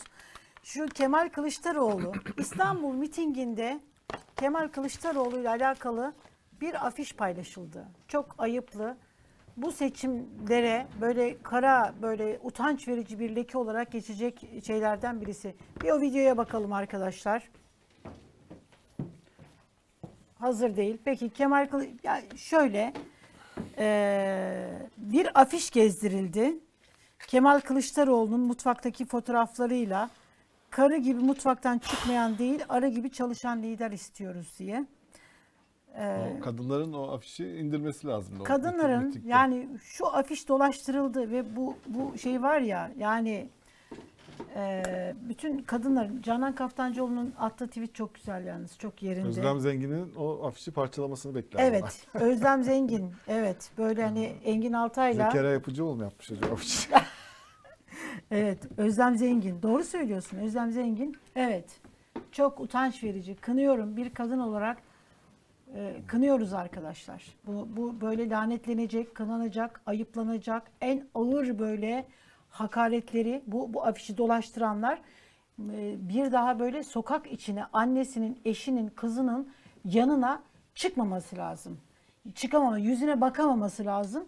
O karı diyor ya, o kadınların pişirdiği yemekleri yiyememesi lazım. Ellerinde yani şu afişi kimler tutuyorsa, bu afişi kimler yazdıysa bunların eşleri, ondan sonra kızları, çocukları böyle tavayla, tencereyle bunlara böyle yer misin, yemez misin diye bir geçirmesi gerekiyor. Sana yemek yok, sana sana mutfak yok, sana su yok dememesi lazım. Kemal Kılıçdaroğlu bir paylaşım yaptı. Şimdi o gelsin. Çok güzeldi. Bravo, tebrik ediyorum. Böyle hani bir, bir kadın olarak da teşekkür ediyorum. Ee, Tuncer Akşener'le mutfağa girdi. Tuncer Tuncer Akşener çok iyi kahve yapan birisi bu arada gerçekten. İyi Meral Akşener'in eşiğinden Meral Akşener'in eşi. Fotoğrafı gösterelim. Bir fotoğrafı gösterelim. Bunu da konuşmasaydık olmazdı. Evet. Roş şimdi sana da soracağım. Bu konuda nasıl bir yorum yapabilir? Bir nasıl yorum yapabilir bilmiyorum ama ve bu bunu e, şu paylaşımla e, şey yaptı. Biz dedi hayatı paylaşmaktan gurur duyarız. Alın şimdi bu fotoğrafı pankartınıza koyun. Akşenerlerin mutfağı. Değil mi? Akşenerlerin evine gitti çünkü Kılıçdaroğlu Evet. çifti. Evet. Burası onların mutfağı. Ee, onların mutfağı da gayet mütevazi. Çünkü Kemal Kılıçdaroğlu'nun mutfağı olmadığı belli. O yani Evet, Kemal şey yok, fry Yalnız yok. ben şimdi şurada şöyle bir şöyle bir şey anlatacağım. Şimdi bir sefer böyle biz şeydeydik Tuncer Akşener e, Tuncer Akşener kahve yaptı. Ben de hani büyük böyle dedim ki ya Evde mi? Meral evde tabii Meral Akşener'le böyle hani bir bir ziyaretimde Meral Hanım kahve istedi. Tu- Tuncer Bey de ben dedi size kahveyi yapıp getireyim. Evde kimse yoktu hafta Hemşerim işte sonu. ya. Evde çalışanları da yoktu herhalde o gün. Ondan sonra ben de yani ikisi de yani bir saygı bizim bir geleneğimiz, bir adetimiz, bir şeyimiz var. Dedim ki ya lütfen rica ediyorum ben dedim seve seve yaparım kahveyi hep birlikte de içeriz. Ondan sonra Tuncer Bey dedi ki bir dakika dedi ya ben dedi mutfağıma kimseyi dedi şey yapmam dedi. Ondan sonra sokmam dedi. Sonra dedi düzenek bozuluyor. Şimdi bu fotoğrafı gördüğümde Kemal Bey çay dolduruyor. Tuncer Bey de böyle bakıyor. İçinden acaba şey geçirmiş midir? Eyvah hani mutfağıma karıştı filan diye. Yani böyle bir şey aklıma geldi ve güldüm. Ee, diyor ki alın şimdi bu fotoğrafı pankartınıza koyun. Ee, sevgili genç mütedeyyin kadınlar. Ee, ya bütün kadınlar ya Kemal Bey. Niye genç mütedeyyin kadınlar diyorsunuz? Size aylarca kazanımlarınızı kaybedersiniz propagandası yapanlar tüm haklarınızı 3-5 oya sattılar. Bay Kemal asla kazanımlara dokunma. Gurur duyuyoruz bu mutfak görüntüsünden. Bu böyle güzel, medeni insan görüntüsü kardeşim. Mutfağa girecek, erkekler mutfağa da girecek, yemek de yapacak, eşine yardımcı da olacak. Bir taraftan böyle kadınlar, anne ondan sonra kadınları kutsayacaksınız. Cennet anaların ayağı altındadır. Propagandaları yapacaksınız. Ondan sonra da karılar gibi mutfakta deyip kadınları aşağılayacaksınız. Yazıklar olsun hepinize. Evet Roş, iki cümlede senden bekliyorum. Bir kadın olarak ben bunu söyleyeyim. Ben çok toplumsal cinsiyet perspektifinden yorum yapmayı becerebilen Ama bir birisiyim. erkek olarak bunu kınayabilirsin Tabii yani, afişi tabii değil bunu- mi? bunu kınıyorum, o kadarını da yaparsın Tabii, herhalde. Tabii tabii yani. Yıllar. Sen ne bu- yapacağız böyle tek tek kınayacak mıyız? Ne? Şey gibi. Evet ya bak burada kınatıyorum. Ben biraz önce kınadım. Taze kınadım ben. Evet, hoş geldin Roj. Hoş bulduk. Ee, ekranlarını böyle şimdi açanlar için söyleyelim. Ee, Ravest Araştırma Direktörü Evet. e, Roj Giresun bizlerle birlikte e, Yeni bir araştırma yaptınız. yeni bir araştırma yaptınız. Anketler ne söylüyor? Siz bölgede yaptınız değil mi? Evet, Dört evet. ilde. Dört ilde yani sonuçta Kürt seçmenler çok Hangi konuşuluyor. bunları söyler misin nereler? Diyarbakır, Mardin, Urfa, Van. Şimdi bu dört büyük şehirde e, yapmamızın sebebi bu. Aynı zamanda bölgenin de e, Kürt seçmenlerin çoğunlukta olduğu 16 şehrin e, büyük oranda ortalamasını da yansıtan dört şehir olduğu için bu dört büyük şehri seçtik. Bu dört büyük Çünkü şehirde şey- her o şehirlerin hepsinde insanlar yaşıyor zaten. Tabii Evet. tabii. Bir de şey için önemliydi bu. Hani e, bu seçimin kaderini büyük ölçüde Kürt seçmenlerin vereceği oy Evet. belirleyecek diyorduk. Hala öyle mi? Şöyle yani e, şimdi e, Kürt seçmenler e, derken sadece HDP'ye oy veren Kürt seçmenler genelde akla geliyor. Ya da HDP'nin e, seçimlere dair tavrı hatırlanıyor. E, HDP Cumhurbaşkanlığı seçimlerinde Kemal Kılıçdaroğlu'nu destekleyeceğini açıkladı. Peki seçmenlerinin ne kadarı e, Kılıçdaroğlu'na oy, vere- oy verecek diye sorular vardı. Şimdi bizim bu yaptığımız araştırmada HDP seçmeninin %95'e yakınının yani hani %92'ler civarında görünüyor şu bugün itibariyle ama %6-7'ler civarında bir kararsız e, bandı var. Onları da hesaba kattığımız zaman yani seçim günü yaklaştıkça e, bunların da sandığa yöneleceğini hesaba kattığımızda tamamına yakınının e, neredeyse Kemal Kılıçdaroğlu'na oy vereceğini görüyoruz. Ama bir başka önemli mesele var e, tabii burada. E, sadece HDP'ye oy veren seçmenlerin bölgede oyunu alan bir Kemal Kılıçdaroğlu'ndan bahsetmiyoruz. E, Cumhuriyet Halk Partisi'ne oy veren e, seçmenlerin de tamamına yakınının e, Kılıçdaroğlu'na bir e, desteğini e, gözlemliyoruz. Yani bölgede aslında e, HDP artı CHP'nin e, oyunu alan e, ve bu sebeple de e, büyük oranda e, Diyarbakır'da, Van'da, Mardin'de Kürt seçmenlerin desteğini alan bir Kemal Kılıçdaroğlu'ndan bahsediyoruz. Önceki seçimlere nazaran bu dört büyük şehre dönüp baktığımız zaman e, Tayyip Erdoğan'ın oylarını 8 puan azalttığını görüyoruz. Kürt bu dört, seçmende. bu dört büyük şehir içinde. Bu da aslında kendisine oy veren her 100 Kürt seçmenden 2018 Cumhurbaşkanlığı seçimlerinde Tayyip Erdoğan'ın aldığı her 100 oyun 20'sinin bu seçim kendisine verilmediğini söylüyor. Bu çok ciddi bir kayıp mıdır? Nasıl Ha, bu ciddi bir kayıp. Aslında Türkiye geneliyle e, karşılaştırdığımız zaman, Türkiye satım haline yaydığımız zaman burayla uyumlu bir e, tablo ortaya çıkıyor.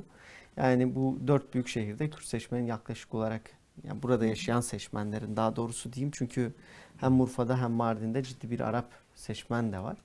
Burada yaşayan seçmenlerin yaklaşık %64'ü e, Kemal Kılıçdaroğlu'na oy vereceğini söylüyor. Bu bir Ortalaması seçim- yani. Dört şehrin Evet. ortalaması %64. Ya bir önceki seçimlerde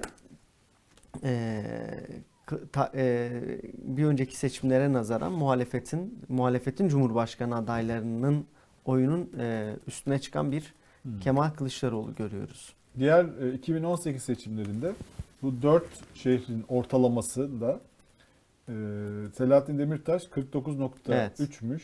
E, Tayyip Erdoğan 42.3. Muharrem İnce 6.4'müş. Evet. E, Kemal Kılıçdaroğlu yani şu burada grafikler görülüyor. tek Evet, tek evet. şehirleri istersen Evet. şey yapalım. E, şeyde e, Diyarbakır'da yet- 78 buçuk. Bu bu kararsızlar da e, şey, kararsızlar dağıtıldıktan sonra ikinci, İkinci turu tur, evet. gösteren bir şey. İlk tur. Evet, ilk tur da var değil mi? e, Evet, sorduğumuz e, bir şey vardı. Tabii ilk turla ikinci tur arasında çok fark yok aslında bölge şehirlerinde. Çünkü Ova'nın ve İnce'nin aldığı oylar çok yüksek oylar değil özellikle bölgede.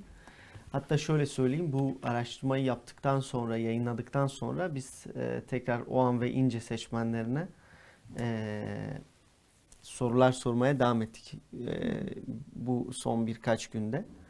E, şunu gördük e, buradaki seçmen gruplarında e, hızlı bir erime devam ediyor. Yani İnce ve Oğan'ın muhtemelen biz seçimlerde e, son yayınladığımız kamuoyu araştırmasına nazaran daha düşük oylarda seyredeceğini görüyoruz. Öz- özellikle İnce'nin. Evet. E, seçimler ilginç. yaklaştıkça İnce'deki erime devam edecek gibi Yani siz görünüyor bu zaten. anketi yaptığınızda e, şimdi gel birinci turda verilecektir.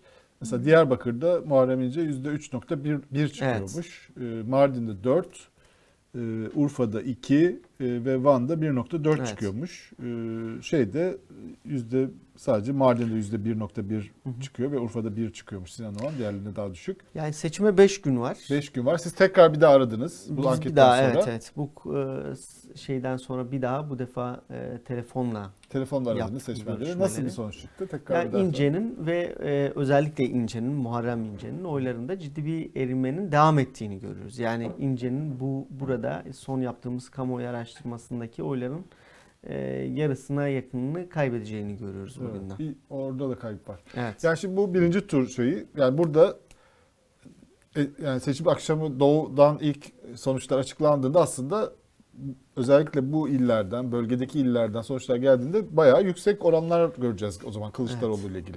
Ya şöyle söyleyeyim bu oylar aslında e, HDP'nin oyunu aşan bir oy. Yani Sadece HDP değil artı. CHP'nin oylarını gösteriyor. E tabi CHP'nin artık bölgede yani bir tabela partisi değil. Uzun zamandır söylüyoruz. CHP e, bölgede artık e, özellikle bölgenin büyük şehirlerinde vekil çıkaracak bir oy e, Nasıl almaya mesela başladı. tek tek illerde gitsek. Örneğin Diyarbakır. Diyarbakır'da, Mar- e, Van'da, Urfa'da e, e, Cumhuriyet Halk Partisi'nin vekil veya vekiller çıkarmasını bekliyoruz. Yine Kars'ta Burada yoktu Cumhuriyet- vekilleri değil mi? Yok vekilleri Urfa- yoktu. Urfa'da vardı, Vardı. ama daha önce artık oylarla çıkarmıştı. Çıkarmıştı. Cumhuriyet Halk Partisi'nin Urfa'da örneğin ikinci vekile İki- gidebileceği. iki vekil çıkarabilir. vekil çıkarabilir. Diyarbakır'da bir. ne olur? Bileşik'te. Bir. Diyarbakır'da bir vekili çıkarıyor görünüyor bugünden. Van mesela. Ee, Van'dan yine e, bir vekili çıkarıyor gibi görünüyor. E, Mardin'de vekil çıkarma eşiğinden çok uzakta değil. Bugün evet vekil çıkarıyor gibi görünmüyor ama bu e, çıkardığı zaman da büyük bir sürpriz Eski bir AK olmuş Partili, olmayacak. e, Eski bir AK Partili, eski AK adayı. Partili e, vekilin aynı zamanda oldu. E, Çelebilerden. E, burada hem Kürt seçmenlerden Mardin'de hem Kürt seçmenlerden hem o bölgede yaşayan Arap seçmenlerin oyunu alabilecek bir isim. Evet yani Mardin'den vekil çıkarmıyor ama oyunu ciddi anlamda arttırdığını yani burada da 3 katına 4 katına yakın arttırdığını görüyoruz. Yani aslında bölge satım halinde e, Cumhuriyet Halk Partisi'nin oyları 4 kata yakın hatta 4 katın bir miktar üstüne çıkıyor. Tabii önceki seçimlerde çok ciddi bir oy almadığı için yani bölge e, genelinde %2,5-3'lerde olduğu için şimdi 10 puanlara çıkan bir Cumhuriyet Halk Partisi oyu e, güçlü e, fazla görünüyor. Peki AK Parti ve AK Parti seçmenleri işte Hüdapar'da onunla beraber Evet. gibi. Onlar içerisinde böyle bir yani AK Parti Kılıçdaroğlu şeyi var mı? Yani bu oranlarda başka seçmenlerin de şeyi var mı? Şöyle söyleyeyim bu seçimlerde AK Parti'ye oy verecek seçmenlerden Kılıçdaroğlu'na çok ciddi bir teveccüh yok. Ama önceki seçimlerde AK Parti'ye oy vermiş. Yani 2018 milletvekili ve cumhurbaşkanlığı seçimlerinde Erdoğan'a ve AK Parti'ye oy vermiş seçmenlerin %20'den fazlasının e, AK Parti cu- muhalefete kaydığını görüyoruz. Yani %20. Yüzde yani AK Parti'nin toplamı oyu içerisindeki yüzde yirmiden bahsediyorum. Ciddi bir oy kaybı. Beşte bir yani. Beşte biri AK Parti'nin oyun AK Parti için daha fazla bu oran. Tayyip Erdoğan için daha düşük. Ee, ama e, ciddi bir oy kaybı bu. E, zaten AK Parti'nin bölgede bu bahsettiğimiz şehirlerde e, vekil kaybı da e, çok kuvvetle muhtemel görünüyor. Yani hem Urfa'da hem Diyarbakır'da hem Van'da e, Kars'ta e, yine Erzurum'da e, AK Parti'nin vekil e, kayıpları bekleniyor. Yani peki büyük şehirlerdeki çok büyük bir e, Kürt nüfus var. İstanbul'da, Evet. işte e, İzmir'de, Mersin'de, Adana'da. Buralardaki eğilimle ilgili bir fikrim var. Evet, ya onu Buralarda söyleyeyim. Burala, bura- buralara da bakıyoruz. Burada AK Parti'den kopuş e, bölgeye nazaran daha fazla. E, o o daha keskin bir kopuş. Yani bölgedeki Kürt seçmenin e, AK Parti'deki e, kalıcılığı Batı'ya nazaran daha e, güçlü. E, Kürt seçmen metropolleştikçe ba- Batı'ya Batı'da yaşayan Kürt seçmenler yani öyle söyleyeyim. Batı'da yaşayan Kürt seçmenler e, bölgede yaşayan Kürt seçmenlere nazaran AK Parti'den daha fazla kopmuş görünüyor. Yani bu da bayağı seçimi E tabi yani şey. özellikle e, son yerel seçimlerde Mersin'de, Adana'da, Antalya'da, Ankara'da, İstanbul'da Kürt seçmenlerin e, Cumhur İttifakı'nın elindeki belediyelerin CHP'ye geçişinde hayati rol oynadığını görmüştük. Şimdi benzer şekilde bu il- bu illerde yani bu Türkiye'nin batı metropollerinde yaşayan Kürt seçmenlerin e, Cumhuriyet Halk Partisi'ne benzer bir yönelimini görüyoruz. Yani evet bölgede CHP'nin oy artışından bahsettik. E, bu oy artışı iki buçuklardan onlar civarına hani e, gibi konuştuk. Ama batıda yaşayan, batı metropollerinde yaşayan Kürt seçmenlerde e, CHP'ye olan ilgi daha fazla diye e, söyleyebilirim. Yani orada bir oy geçişi görülüyor yani. Evet, evet bir oy geçişi. görüyor. AK Parti'den direkt Cumhuriyet Halk Partisi'ne görülüyor hatta. Öyle Peki ifade edeyim. bunu sosyal olarak siyaseten yorumlaman gerekirse yani rakamlar tamam okey Evet. nasıl oldu bu? Çünkü Kılıçdaroğlu yeni bir lider değil. Evet. 2010'dan beri var.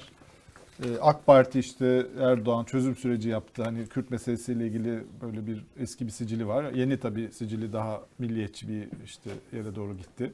Neredeyse bütün seçim kampanyası da CHP'yi PKK'lı olmakla suçlamakla geçiyor.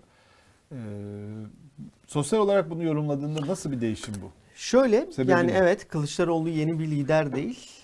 Ee, ama şu vardı Kılıçdaroğlu'nun 10 yıldır Cumhuriyet Halk Partisi'nde yarattığı değişimi insanlar önce bir ilgiyle izlediler. Kürt seçmenler nezdinde söylüyorum.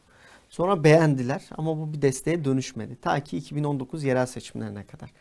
2019 yerel seçimlerinde HDP'nin de oluruyla yani e, tırnak içerisinde fetvasıyla e, Kürt seçmenler gidip e, CHP'ye oy verdiler. Şimdi bu süreçten sonra yani bu ilgi ve beğeni bugün itibariyle CHP'ye, Cumhuriyet Halk Partisi'ne, e, Kemal Kılıçdaroğlu ismine bir desteğe dönüşmeye başladı. Tabi burada aslan payı hiç unutmamak lazım e, Cumhurbaşkanı Tayyip Erdoğan'ın. Yani Kürt seçmenlerin Cumhuriyet Halk Partisi'ne, Kemal Kılıçdaroğlu'na oy vermesi, evet CHP'nin politikalarıyla e, bunun alakası var. HDP'nin Kürt seçmeni e, yönlendirmesiyle alakası var. Büyük oranda bunlarla alakalı. Ama Tayyip Erdoğan'ın e, Kürt meselesinde güvenlikçi ve milliyetçi bir söyleme dönmesi, e, kurduğu ittifakların e, e, tarzı, tonu, MHP işte yapısı. MHP ile işbirliği. E, sonrasında yeni bir e, söylem kuramaması, yani bu bu söylemlerindeki ısrarı e, Kürt seçmenin e, Erdoğan karşıtı oy verme motivasyonunu güçlendirdi. Buradaki en önemli e, pay Tayyip Erdoğan, aslan payı Tayyip Erdoğan. Yani Tayyip Erdoğan karşıtlığı esas. CHP'ye Tayyip Erdoğan karşıtlığı çok güçlü. Yani Şey Kürt seçmenler. Yani aslında satır arasında diyor ki CHP'ye gitmesinde e, Tayyip Erdoğan bayağı çalıştı. Yani tabii ki. Evet. Yani şunu söylüyorum ben zaten. Şu an bölgede de Türkiye e, satım halinde de CHP oy veren ciddi bir Kürt seçmen oluştu. Ama bu Kürt seçmenler CHP'li diyemiyorum. Yani CHP oy veren bir Kürt seçmen var ama CHP'li bir Kürt seçmen henüz oluşmadı. Böyle bir kimliği AK yok. Parti'den kopuşu ölçebiliyor musunuz? AK Parti'den kopuş e, yüksek. Yani bunu e, ölçebiliyoruz. Kürt seçmenlerde hatta Türkiye e, nezdine göre yani Türkiye'de satım haline göre daha fazla. E, şöyle söyleyeyim. Ee, AK Parti'den kopuşun önemli sebeplerinden birisi, yani CHP'ye yönelmenin önemli sebeplerinden birisi. Şimdi bu Kürt seçmen için diyoruz. Kürt seçmen Tamam. için diyorum. Ee, Türkiye'ye dair son bir resmi konuşuruz. Ee, Kürt seçmenler için e, şöyle bir şey var. Yani bir miktar Kürt seçmen için. Ee, Ankara merkezli partilere oy veren bir Kürt seçmenden bahsediyoruz. Yani böyle bir e, projeksiyonu olan bir Kürt seçmen var ve e, Kürtlükle barışık, Kürt kimliğiyle barışık bir devlet partisi olarak görmeye başladılar CHP'yi ve AK Parti bu kimliğini kaybetmeye başladı. Tam da bu sebeple Cumhuriyet Halk Partisi'ne yönelen bir seçmen grubundan bahsediyoruz. Yani AK Parti'den CHP'ye yönelen bir seçmen grubu. O yüzden bu e, seçmen grubu için birincil kimlik muhafazakarlık vesaire değil aslında. Geçmişte AK Parti'ye oy verseler bile değil. Devletleşen AK Parti, devletten uzaklaşıp statükodan uzaklaşan CHP. Evet. Buradaki rollerin değişmesi Evet, Kürt bu- seçmeni CHP'ye CHP yönlendiriyor. yönlendirdi. Yani burada işte CHP'nin Kürt meselesiyle alakalı politikaları var. İşte Kemal Kılıçdaroğlu'nun liderliği var. HDP'nin CHP'ye alan açması var. E, e, Cumhuriyet Halk Partili belediyelerin e, buralarda Kürt seçmenle temasının artması var. Yani özellikle metropollerde. Birçok etken var. Ama bahsettiğim gibi e, en önemli sebep burada Erdoğan karşıtı oy verme motivasyonunun güçlü olması var. Peki e, Kürt, lazım. e, AK Parti'ye oy veren Kürt seçmenlerin aslında HDP'ye oy verenlerin de çok önemli bir kısmı dindar insanlar aslında. Evet. E, onların e, hem CHP ile mesafesi belki Türk seçmenler, dindar Kürt seçmenler aynı yani. Çok daha fazla hatta belki olabilir. Çünkü bir de aynı zamanda bir mağduriyet şeyi de var. İşte CHP ile ilgili kötü bir bagaj var. Onunla ilgili tartışmalar nasıl oluyor? Yani o orada Kılıçdaroğlu'nun bir değişim yaptığına mı inanılıyor? Şöyle Kılıçdaroğlu'na daha büyük bir kredi açılıyor diyeyim. Yani CHP'nin kurumsal kimliğine duyulan güvenle Kemal Kılıçdaroğlu'na duyulan güven arasında halen bir makas var Kürt seçmenlerde. Zaten Kemal Kılıçdaroğlu Ayrılıyor. Kemal Ayrıyor, Kılıçdaroğlu evet. ve CHP ayrı, ayrı Evet evet yani yani şu e, Oradaki kırılma peki Kemal Kılıçdaroğlu'nu CHP'den e, ayrılması yani ayrı tutarak o kredi açılmasının e, sebeplerini İki ayrı hafıza var. Yani bir Kılıçdaroğlu'nun bu 10 yılda yarattığı değişim ve dönüşüm söylemleri. İkincisi e, CHP'nin geçmiş hafızası. E, Ama buna rağmen bir kredi açılıyor. Tabii bu kredi açılırken bir temkinli imserlik hali var. Yani Kılıçdaroğlu sonrasında CHP'deki bu değişimin kalıcılaşamayacağı, CHP'nin eski kodlarına döne, dönüşemeyece, e, dönebileceğine dair bir endişe de dile getiriliyor. E, ama e, bu Kürt seçmenin yani CHP'ye oy veren bu Kürt seçmenlerin CHP'li bir Kürt seçmen olup olmayacağı yani bu şekilde devam edip edemeyeceği ya da CHP'de kalıcı olup olmayacağı meselesi CHP'nin bu seçim sonrası 15 Mayıs sonrasındaki performansına bağlı. Ama CHP'ye bir kredi açılmış olduğunu görüyoruz ve bunun e, mimarı da yani Kemal Kılıçdaroğlu ismi. mutlak iktidar değişim talebi yani bu istek Evet. bunda ne kadar E, makro duygu değişim, makro duygu e, Cumhurbaşkanı Erdoğan'ın e, gitmesi gerektiği yani bu konuda bir ortak mutabakat var bu bahsettiğim seçmen grupları içerisinde. E, tabii ki bu da haliyle e, CHP'ye daha çok kulak kabartmalarına, Kemal Kılıçdaroğlu ismini daha çok dinlemelerine sebebiyet veriyor. Daha çok olumlu şeyler. Peki endişe e, Roş. Şimdi endişeler var dedin ya. Bu endişeler mesela hani e, bir şey de var. E, masada işte e, Temel Karamollaoğlu'nun olması, Ali Babacan, e, hani Kürt meselesi olduğu için bu isimleri Hı hı, zikrediyorum. E, Ahmet Davutoğlu ismi bunların da böyle hani katkısı Kemal Bey'e olan Kürt seçmen nezdinde e, Var tabii ki. Yani masanın siz iki aktörlü olduğunu düşünün. İyi Parti ve CHP arasında olduğu olmuş olsaydı HDP'nin e, açık çekine rağmen e, Kürt seçmenlerdeki kafa karışıklığı çok daha fazla olurdu. Yani Babacan aslında bir e, şekilde orada Ali Babacan ismi e, Emniyet Kürt baba. seçmenlerinin masadaki e, endişelerini gideren e, bir isim olarak görülüyor. Yani masanın emniyet sübaplarından birisi Kürt meselesi bağlamında. evet. Peki Türkiye genelinde de araştırmalar Evet. yapıyorsunuz. Türkiye genelinde durum nasıl görünüyor? Şöyle yani İlk şöyle turda, ifade edeyim. ikinci turda Ya bugün itibariyle yani en azından birkaç hafta öncesine göre söylüyorum. Kemal Kılıçdaroğlu'nun önde olduğunu ama bu işin ilk turda bitmediğini e, görüyoruz. E, yani Kemal Hala Kılıçdaroğlu. Ama bu birkaç hafta içerisinde e, İnce'nin ve o anın oylarında bir erime ve gerileme bekliyoruz. Keza bahsettim yani Türkiye genelinde henüz bir ölçüm yapamadık. Bölge nezdinde söyleyeyim. İnce'ye oy veren seçmenler yani bizim son yaptığımız kamuoyu araştırmalarında zaten İnce çok yüksek bir oy almamıştı bölgede. Yani Türkiye satım haline nazaran daha düşük seviyelerde bir oy almıştı. Şimdi İnce'nin bu oyunun daha da aşağıya doğru çekildiğini görüyoruz. Peki şimdi son düzlükte 5 gün artık hani mesela seçmen artık kararını verdi, bekliyor mu? Yani kararını verdi, hazır şeyini yaptı. Artık buradan ne olursa olsun geriye dönüş olmaz mı? Hala mesela diyelim ki e, kararını vermeyen seçmen var. Bu oylar 5 gün içerisinde daha netleşir. E, işte Muharrem İnce'nin oyları daha da düşer. Kemal Kılıçdaroğlu'nun oyları daha da artar.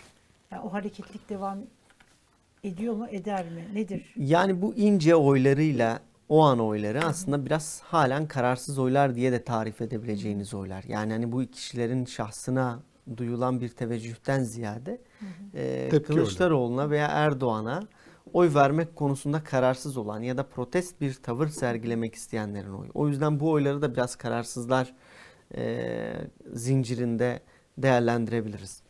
Ee, şöyle söyleyeyim bu son Erzurum'daki e, taşlı saldırı vesaire özellikle bizim bu e, şey bu, ince seçmenlerine e, yönelik son araştırmamız e, dün oldu. Yani bu Erzurum e, mitingi sonrasında oldu. E, bu oy erimesinin biraz e, bununla alakalı olduğunu düşünüyorum. Yani ince seçmenlerinden Kemal Kılıçdaroğlu'na e, bir geçişin e, bu hızlı geçişin biraz dün, e, iki Bu gün Erzurum önceki Erzurum mitingiyle alakalı olduğu Peki kanaatindeyim. AK Parti oylarını yani bu kadarı da olmaz duygusu yaratan bir hadise midir? E, Doğrusu ben bu saatten sonra iki blok arasındaki oy geçişkenliklerinin biraz Bittiğini mi düşünüyorsun? zayıfladığını hani biraz oraların konsolide olduğu kanaatindeyim. E, bu saatten sonra e, AK Parti'den CHP, CHP'den AK Parti'ye çok büyük kay- e, kayışlar beklemiyorum. Yani çok büyük kayışlardan bahsettiğim hatta 1-2 puanlık kayışlar bile belki e, zor olabilir. Ama e, şunu görüyoruz en azından. E, çok büyük bir sürpriz olmazsa yani yalnızca bizim değil başka muteber kamuoyu araştırma şirketlerinin araştırmacı arkadaşlarının da gördüğü e, Kemal Kılıçdaroğlu'nun ilk turda bu seçimi önde e, götüreceği. Tabii bu işin ikinci tura kalıp kalmayacağı henüz belli değil. Yani yeni bir veriyle konuşmak gerekecek. Yeni bir e, sonuç görmek lazım. Yeni bir araştırma sonucu görmek lazım. Ama görülen o ki e, Kemal Kılıçdaroğlu isminin aynı zamanda ikinci turda e, daha şanslı olduğu, seçimleri kazanmak için daha şanslı olduğu, Tayyip Erdoğan'ın seçim kazanmasının e, bir sürpriz olacağı. Yani e, eşit e, dengelerde giden bir seçim yarışından bahsetmiyoruz şu anda. Bugün itibariyle Kemal Kılıçdaroğlu seçim kazanmak e, kazanması açısından daha güçlü, Yakın daha şanslı bir e, isim. E, Tayyip Erdoğan ise seçim kazanması büyük sürpriz olacak. Peki bu bazı anketlerde özellikle mesela iktidara yakın Hı hı. e, çünkü hani kamuoyunda bilindiği için böyle bahsediyorum. Yoksa Evet. hani kimseyi iktidara yakın, iktidara muhalif diye yani bunlar çok e, doğru şeyler değil ama onlar da zaten kendi taraflarını bu şekilde belli ettikleri ve televizyon ekranlarında da böyle konuştukları için söylemekte beis görmüyorum. Şimdi mesela orada işte bugün Abdülkadir Selvi de yazdı. İlk turda Erdoğan'ın İlk bitireceği. turda %52 ile biter filan. Şimdi sen anket yaptığın için hani bu anket şeyleri daha iyi okuyorsun.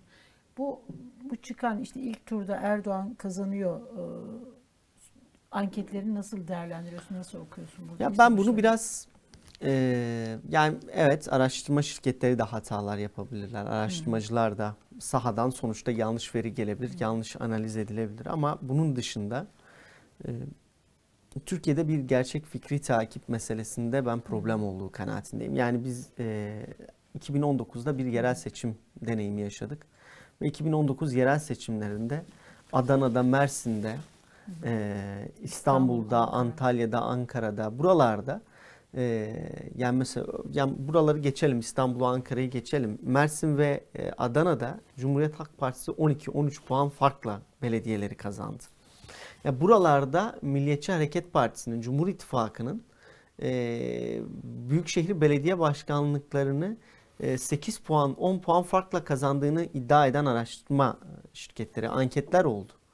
Yani şimdi hakikaten yani bir, dönüp bakmak lazım. Bunları bir görmek lazım. Yani evet ama kamuoyu araştırma şirketleri yanılabilir. Ama e, hata payları vardır. Yani Ama bu artı- 8 puan olmaz diyorsun. 24 puan oluyor bu hata payı. Yani 14 puan başkası önde kapatıyor. Siz 10 puan e, e, başka e, bir adayı önde kapattığını görürüz. Yani 5 puan, 6 puan belki başka e, hata payları, önemli. yanlışlıklar olabilir ama 24 puan diye bahsettiğimiz şey e, azımsanamayacak, küçümsenemeyecek bir Bunlar hala hata anket payı. yapıyor yani. Ya bu bu ilginç bir durum yani. Hani bu bu da konuşulmuştu. Yani o dönem biz hakikaten Unutuluyor Akdeniz'de bunlar. biz Akdeniz'de e, Akdeniz bölgesinde yaptığımız araştırmalarda Cumhuriyet Halk Partisi'nin belediyeleri kazandığını görüyorduk. Ama aynı zamanda başka kamuoyu araştırma şirketleri ya da basına yansıyan başka anketler e, seçimlerin e, Cumhur İttifakı tarafından kazanıldığını söylüyordu. O zaman da yani kendimiz konusunda şüpheye düşüyorduk. İnsanız hata yapabiliriz diye. Ama günün sonunda şeyi gördük. Yani Cumhuriyet Halk Partisi'nin buralarda belediye kazandığını gördük. Yani şimdi de bu bahsedilen araştırma şirketlerinden e, şüphesiz bu böyle görenler de vardır. Yani manipülasyon falan değildir her biri. Ee, Ama yani bizim açımızdan, bizim yaptığımız saha araştırmalarında e, Cumhurbaşkanı Erdoğan'ın oylarını e, düşürdüğünü, kaybettiğini ve bu oy oranlarının %20'nin alt e, yani Erdoğan'ın toplam oyundan bir önceki seçimde kendisine oy veren her 100 seçmenin 20'sinin e, karar değiştirdiğini, kendisine oy vermediğini görüyoruz. Bu anlamda da Tayyip Erdoğan'ın %52 ile geçen seçimleri kazanmış bir Tayyip Erdoğan ilk turda seçimleri kazanmasını hiç olası görmüyoruz. Yani Şimdi Böyle matematiğine mantığına ters. Yani Bilmiyorum siyasetin matematiğine de yani bugün gördüğümüz üzere kimyasına da ters bir durum. Şimdi e, şeyin Cumhur İttifakı'nın Erdoğan'ın seçimdeki en büyük söylemi yani en çok üzerine vurguladığı şey işte e, bölücülük, işbirliği, işte PKK destek veriyor, işte e, HDP'nin desteği. E, bunları vurguluyor. İşte Abdullah Öcalan serbest bırakılacak diyor. İşte Karayılan'ın görüntülerini videoda Hı hı. Kılıçdaroğlu'nun klibine yerleştirip işte bakın diyor. Mitingde gösteriyor bunu. Ee, şimdi iki, iki taraflı bir analiz yapman gerekirse yani bu böyle bir kampanya Kürt seçmenler açısından ne ifade ediyor? Ee, Türkiye'nin genelinde bu kampanyanın bir karşılığı var mı? İşe yarıyor mu? Şimdi elimizde bir test var aslında. Şimdi bu yeni bir şey değil. 2017 referandumuna böyle gittik. Ee, 2019 yerel seçimlerine böyle gittik. Yani böyle bir tabloda gittik zaten. Yani suçlamalar Cumhur vardı. İttifakı'nın bütün argümanı buydu. HDP referandumda hayır mı diyor, evet mi diyor. Yani e, örgüt ne diyor? Bunun üzerine kuruldu bir şey.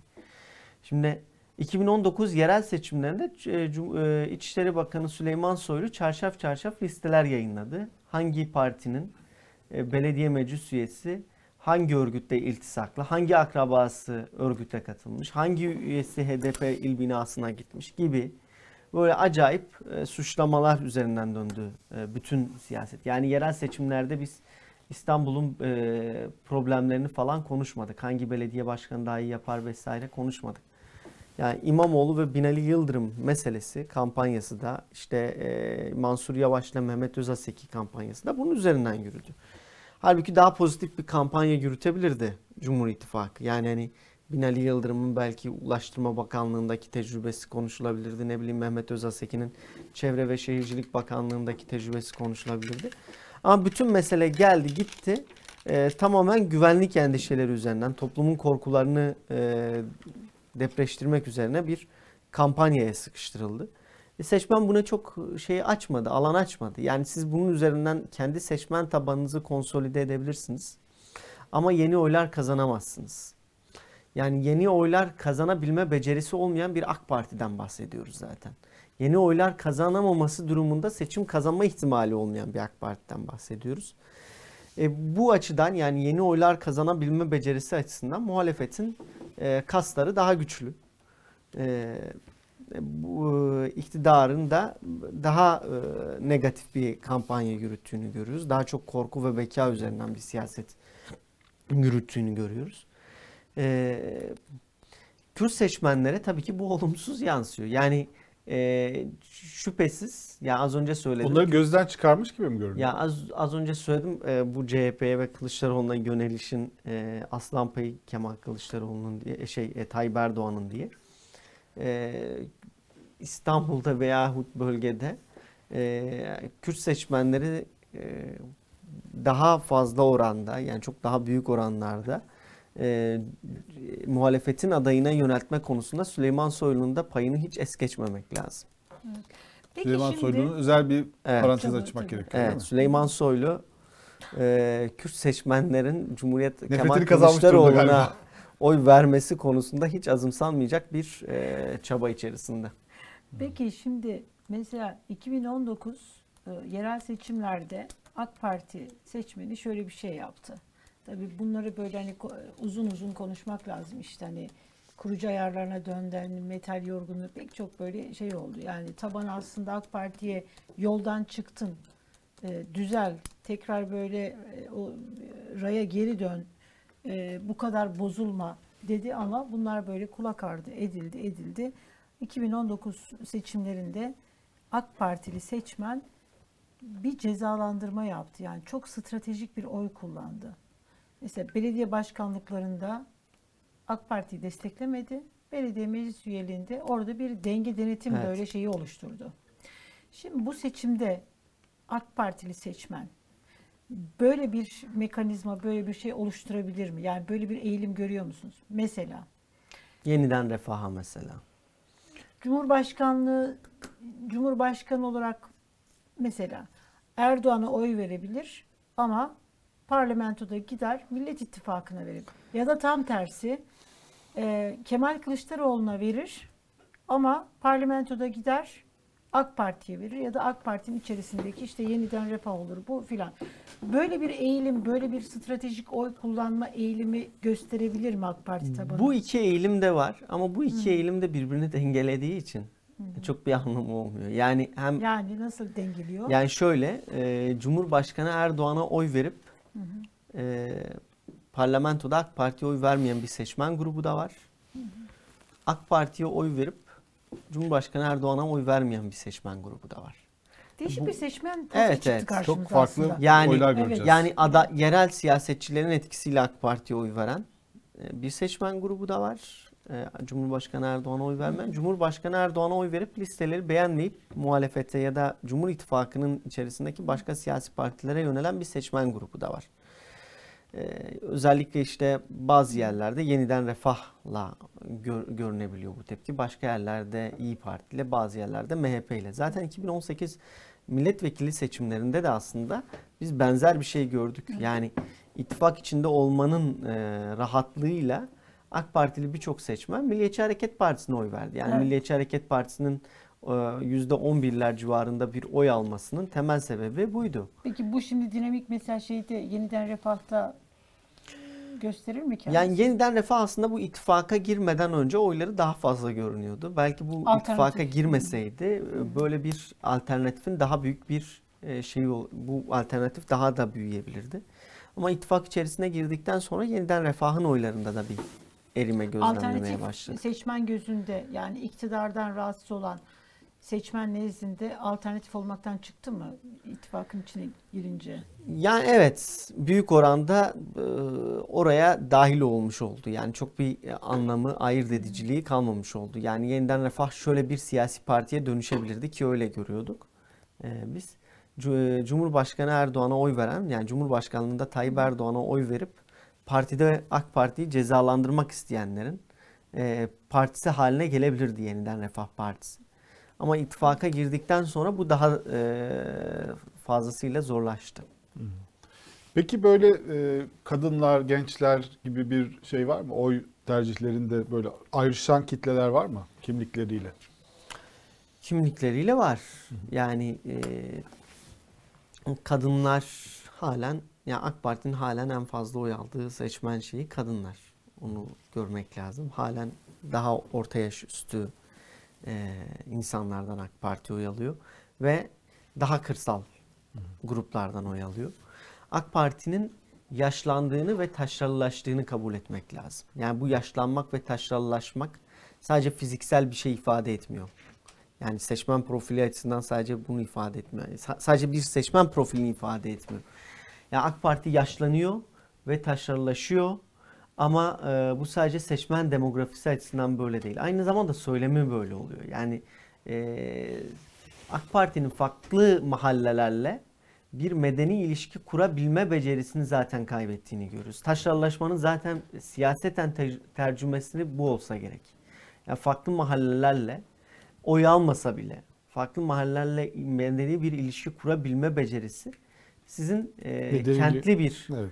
Profilinizi gösteriyor. Kentli bir şeyinizi gösteriyor. Bunun dışında da e, başka yeni bir söylem üret- üretememesi, pozitif bir kampanya yapamaması yaşlandığını gösteriyor AK Parti'nin. Hep geçmişe atıp yaşlılığını gösteriyor. Seçmen demografisi açısından da e, söylem olarak da AK Parti'nin yaşlandığını ve taşralılaştığını ifade etmek e, kolay.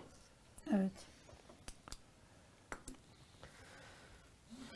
Ee, seçim ikinci tura kalırsa e, Erdoğan açısından şey pardon Kemal Kılıçdaroğlu lehine e, Evet yani ben bu seçimin ikinci tura kalması durumunda şöyle kaygılar var. Yani parlamento çoğunluğunu özellikle Cumhur İttifakı alırsa hani bir İstikrar için oy verin der mi? falan. Ya da işte mesela böyle söyleniyor yani meclis çoğunluğunu e, Bütün o ihtimalleri kazanır. değerlendirir Ya böyle bir psikoloji var. Böyle bir psikoloji oluşabilir. Ama ben şunu görüyorum. Yani e, benim daha güçlü gördüğüm ihtimal şu. E, Kılıçdaroğlu Erdoğan'ın önünde e, ikinci tura giderse Birinci turda. Evet birinci turda.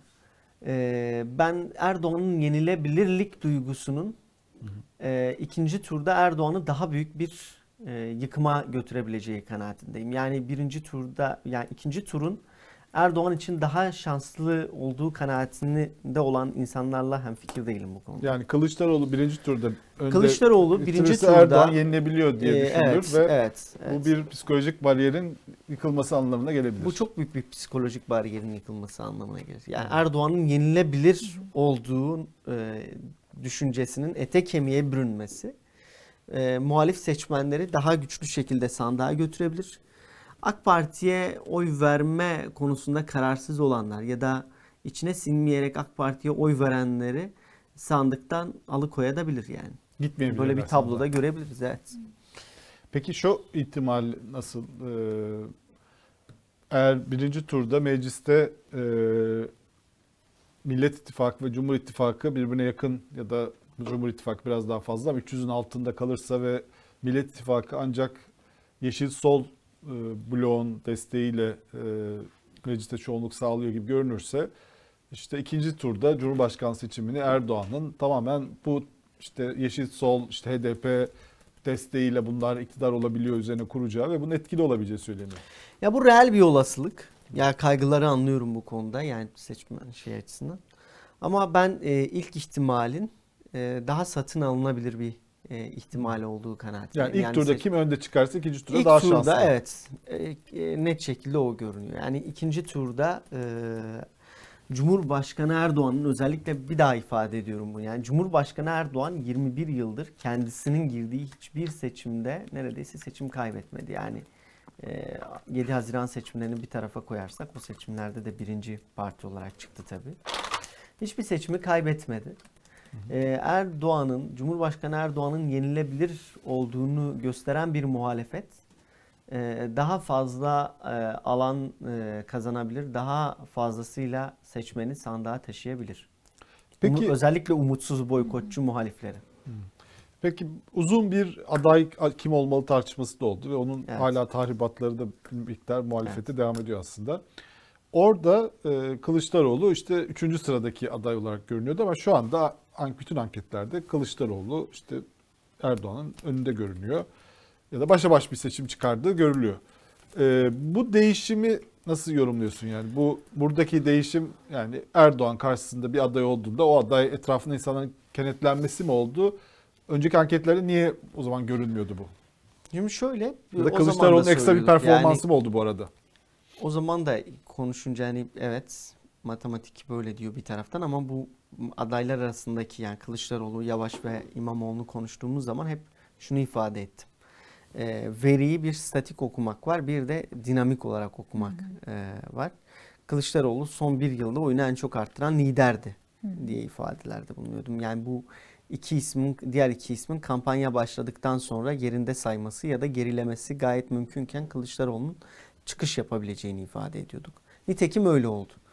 Ee, bir diğer taraftan Kılıçdaroğlu ile ilgili bu olumsuz ifadelerin birçoğunu ben aslında aday adaylığı tartışmasına bağlıyordum. Yani diğer aday adaylarının varlığı, o ihtimallerin oluşu Kılıçdaroğlu'nu yıpratıyordu. Yani diğer isimlerin adaylığını isteyenler Kılıçdaroğlu'nu e, zayıf aday gösteriyordu. Ya da işte e, daha rahat e, Kılıçdaroğlu'na eleştiriler yönetebiliyordu. Bu da Kılıçdaroğlu'nu yıpratıyordu. Şimdi bugün itibariyle tabii böyle bir tartışma pek kalmadı. Ee, bir diğer durumda Kemal Kılıçdaroğlu e, bahsettiğimiz o lider e, adaylığının e, en büyük avantajını kullanmaya başladı. Yani moderatörlük dediğimiz yani moderatör lider dediğimiz Kılıçdaroğlu avantajı kullanmaya başladı. Şimdi Ali Babacan'ın da kendisi için mitinge çıkıp konuştuğu yani baş, başka illerde miting yaptığı e, İmamoğlu'nun da e, kendi başına işte Erzurum'a gittiği, Konya'ya gittiği bir e, lead, e, adaydan bahsediyoruz. Yavaş'ın İç Anadolu Bozkırı'nda kendisi için miting yaptığı bir adaydan bahsediyoruz. Yani herkesin kendisi için rahatlıkla o isteyebildiği bir aday oldu Kılıçdaroğlu. Bir başka isim olsaydı bütün liderler kampanyada bu şekilde, bu kadar güçlü şekilde yer alabilecek miydi sanmıyorum. Tek başına başka bir güçlü aday konuşacaktık ama o güçlü aday günün sonunda e, Kılıçdaroğlu kadar etki alanını genişletebilecek miydi? Farklı kesimlere dokunabilecek miydi? Bundan emin değilim. Kürt seçmenler açısından. Kürt seçmenler açısından Kılıçdaroğlu en e, güçlü isim oldu. Yani Kılıçdaroğlu bugün itibariyle e, HDP'nin rekor oylar kırdığı 7 o, e, Haziran 2015 seçimlerindeki oyunu alıyor Kılıçdaroğlu bölgede. Çok ilginç yani. Çok enteresan. yani Demirtaş'ın da neredeyse iki katına yakın oyunu alıyor değil mi? Yani, o da- Yani tabii orada yani dem, e, şey HDP'nin çok- 7 Haziran'daki oyunu alıyor. HDP'nin 7 Haziran 2015 seçimlerinde aldığı oyu alıyor bölgede. Peki Türkiye Ya buna yakın bir oy alıyor. Roş, Türkiye genelinde şimdi hani oy verme motivasyonumuz ne olacak? Yani seçmenin oy verme motivasyonunu e, belirleyecek olan faktör genel olarak ekonomi mi olacak? Mesela Millet İttifakı işte hani güçlendirilmiş parlamenter sistem, demokrasi, otokrasi. E, en önemli faktör adalet, hani hukuksuzluk. O gün sandığa gittiği zaman seçmen e, neye bakarak oy, oy verecek? Ya bir defa şunu unutmamak lazım. Halen kimlik çok önemli bir belirleyici. Yani Cumhurbaşkanı Erdoğan'ın e, oylarının e, 43'ün altına inmemesi ya da işte belli bir açıtanın üstüne çıkamamasında belirleyici mesele kimlikler. E, ama seçimin kaderini değiştiren e, duygu e, ve dinamik e, değişim arzusu ile ekonomik kriz. Yani ekonomik kriz olmasaydı, bu büyük tahribat yaşanmasaydı, bu bütün e, başka yönetim beceriksizliklerine rağmen muhalefetin seçim kazanma ihtimalini bu kadar güçlü görebilir miydik? Sanmıyorum. Peki Diyarbakır, Öte taraftan- Mardin buralarda da bu geçerli mi Urfa? Ekonomik kriz etkili Tabii mi? yani kimlik baskısının e, gö- görünür olması biraz ekonomik refah halinin ortadan kalkmasıyla da oluyor.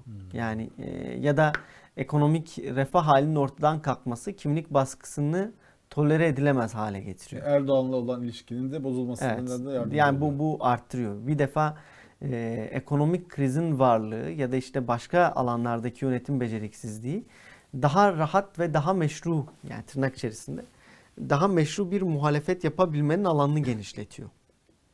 Yoksa Erdoğan'ın sadece Kürt meselesi konusunda e, yanlışlar yapan bir isim olsaydı bölgede sadece Kürt meselesi etrafında e, konuşmak e, güvenlik bürokrasisinin de e, baskısını artıracaktı. E, muhalefetin de oyun alanını daraltacaktı. Peki Hüdapar'ın e, AK Parti listelerinde olması ve yani Erdoğan'a destek vermesi e, bu e, iktidarın Kürt meselesindeki sicilin açısından bir iktidar lehine bir etki yapmıyor mu? Şöyle bu Cumhur İttifakı'nın milliyetçi tonunu fırlaştırıyor bölgede. Ama e, bölge dışında Türk Türkiye'deki seçmende de başka e, sıkıntılara sebebiyet verebiliyor. İşte Hüdapar'ın Kürt meselesiyle ilgili söylemleri gösteriliyor. Ama cü- e, bölge nezdinde AK Parti'nin oylarının bir e, miktar e, eklemeler yapmasına sebebiyet veriyor. Yani işte Batman'da, Diyarbakır'da, e, Urfa'da ya da bölgenin başka illerinde, Bingöl'de yani Hüdapar'ın biraz daha geleneksel olarak güçlü olduğu bölgelerde AK Parti'nin oylarındaki erimeyi e, erimenin azalmasını sağlayan faktörlerden birisi Hüdapar'ın varlığı. Hüdapar çünkü buralarda önemli bir oy alıyor. Aynı zamanda taban örgütleri olan bir siyasal yapı. Ee, AK Parti özellikle teşkilatları olmayan bir AK Parti'den bahsediyoruz. Buralarda Hüdapar teşkilatlarının e, tabanının, taban örgütlerinin AK Parti lehine bir çalışma yürüttüğünü ve AK Parti'nin oy kaybının azalmasında önemli bir etken olduğunu da ifade edebiliriz. Ama bu e, Hüdapar'ın AK Parti'ye olan desteği yeni bir destek değil. 1 Kasım 2015 seçimlerinden bu yana Hüdapar her seçimde düzenli olarak AK Parti'ye zaten destek verdi. Yani en azından Cumhurbaşkanı Erdoğan'a düzenli olarak destek verdi. Peki bütün oyları taşıyabilecekler mi? Hüdapar'ın oylarını Ya Erdoğan'a orada ve da bir fire görüyoruz. Orada da bir fire görüyoruz. Evet yani Hüdapar'la ittifaka rağmen son seçimde Hüdapar'a oy vermiş seçmenlerin e, neredeyse dörtte birinin e, parlamento seçimlerinde e, AK Parti'ye oy vermediğini görüyoruz. Yani e, bu bu açıdan da hani ittifakın tamamının oylarının yani Hüdapar'ın oylarının tamamının ittifaka AK Parti'ye geldiğini söyleyemeyiz. Peki şimdi biraz önce bu hani taşralılaşma e, kavramını kullandın. E, bu kavramı birazcık daha böyle açmanı isteyelim. Siyasetten de bu kavram nasıl ortaya çıkıyor, seçmenleri nasıl etkiliyor? Yani şimdi taşra daha yani taşralı bir siyaset dili. Yaşlanma, taşralılaşma. Taşlan, taşralılaşma ve yaşlanma. Evet. Ee, yani daha çok kendi mahallesine konuşan, e, kendi mahallesine e, karşı heyecanlandırıcı ya da kendi mahallesinin korkularını e, sürekli depreştiren bir Mahallesinden çıkamama yan kolası. evet evet ya da kendi mahallesinin korkularını sürekli depreştiren bir şeyden bahsediyorum taşralaşma derken. Şimdi e, Hakan Altınay'ın bu son dönemde bir e, kitabı çıktı Medeni diye. Orada medeni ifadesini Hakan Altınay e, Gezi davasında Evet. e, Evet. tutuklu şu an Evet. hapishanede. e, Hakan Maalesef. Altınay o kitabında medeni Ve ifadesini şey söylemişti, onu da söylememiz lazım. Ya iddianamede bir tek kendi adım doğru. Başka Evet, doğru evet. olan Çok hiçbir şey yok. Çok yani çok vahim şeyler bunlar. Hakan Altınay orada medeni ifadesini aslında kendi mahallesi dışındakilerle e, konuşabilme e, becerisine bağlıyor. Şimdi bu taşralılaşma meselesi de biraz on- onunla ilintili. Yani e, kendi mahallenize kapandığınız zaman farklı mahallelerle e, medeni bir ilişki e, kurmaktan vazgeçtiğiniz zaman Evet. bu sadece ürkütücü söylemlere e, yöneldiğiniz zaman yani e, ucube ürkütücü söylemler de olabilir bu. E, taşradan çıkamıyorsunuz aslında. Yani büyük şehirden oy da alsanız, büyük şehirlerden oy da alsanız taşradan çıkamıyorsunuz. Taşra, büyük şehrin taşralarında kalmış oluyorsunuz. Söyleminiz taşralı olmaktan çıkamıyor. E, ama aynı zamanda AK Parti'nin işte az önce ifade ettim. e, asıl oy kayıplarının e, büyük şehirlerde olduğunu görüyoruz. Yani taşradan ziyade, kırsaldan ziyade büyük şehirlerde oy kaybı oluyor. Yine yaş gruplarında e, ilk defa oy kullanacak seçmenlerden oy kaybının olduğunu yani e, oy kaybının olduğunu, e, ya- yaşlı seçmenleri, ya- yaş e, grubu, orta yaş ve üstü e, seçmen gruplarında, yaş gruplarındaki daki seçmenlerde oyunu daha ciddi oranda, daha ciddi miktarda koruduğunu gözlemliyoruz. E, bu da e, AK Parti'nin diline de yansıyor. Yani olarak. Evet. Evet. Var mı sorun Çok Yıldıray? teşekkürler. Çok teşekkür ediyoruz. Sağ ol. Sen bir şey yazmışsın bana. Evet. Bir yorum gelmiş. Sizi çok seviyorum. Yok ama oradaki şey Bu kısmını Yok o, o kısmı değil. O kısmı değil. Her gün severek izliyorum. Bir ricam var. Laik, seküler, kemalist gibi kavramlar kullanıyorsunuz. Bu tanımlar Oya üzerinde bir izleyicimiz. biraz evet. daha düşünmenizi rica ediyorum. Hem dindar hem laik olunabilir. Olunabilir tabii ki. Ama yani Bu kavramları kullanmadan siyasi nasıl bir kimlikler tanım- olarak bahsediyoruz biz. Sosyal kimlikler olarak bir sürü farklı model olabilir yani. Bir sürü laik AK Partili de var yani ama işte e, Hatta AK Partilerin çoğu layık zaten yani. Evet. Hani Evet. herhalde Yani şimdi önceki gibi bundan 20 yıl önceki gibi Evet. değil. Hele de bu Cumhurbaşkanlığı hükümet sistemi dini şey bu kadar karıştı. birbirine karışınca bence laiklik kavramının önemi de daha böyle anlaşılmaya yani seküler hayat yaşayan insanlara bu söylenebilir. Dindar insanlar, seküler hayat yaşayan insanlar. Şimdi, şimdi de seküler dediğinde dinsiz demek değil tabii ki o. Evet. Onun bir inancı olabilir ama yani ne bileyim yaşam yaşamı tamamen bütün Evet. refer- referansları din olarak yaşamıyordur. Ben dindar Yani- mütedeyyin kesim de diyoruz. Evet. Yani bir şeyler diyelim yani nasıl konuşacağız? Yalnız Yani Lütfen rahatsız Türkiye'de olmayın yani. yeni yeni Kimse bir, kötü yeni bir şey yeni söylemiyoruz. e, kamusal alan inşa ediliyor.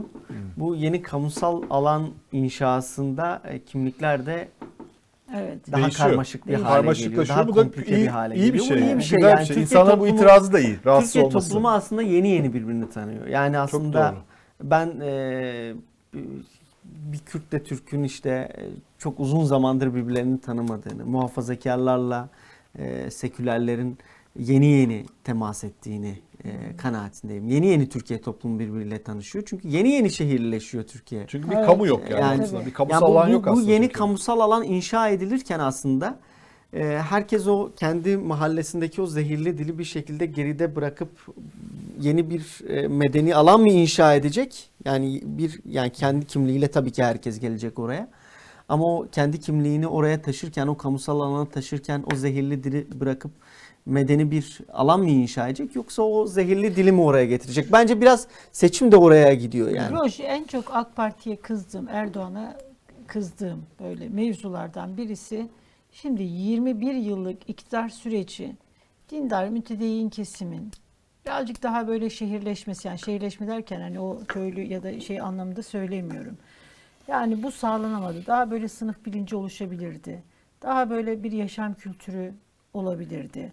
Şimdi 21 yıla baktığın zaman elde kalan hiçbir şey yok. Yani çözmek üzere raflardan indirdiği sorunlar sonra da onları indirmiş ama hiçbirisi çözülmemiş.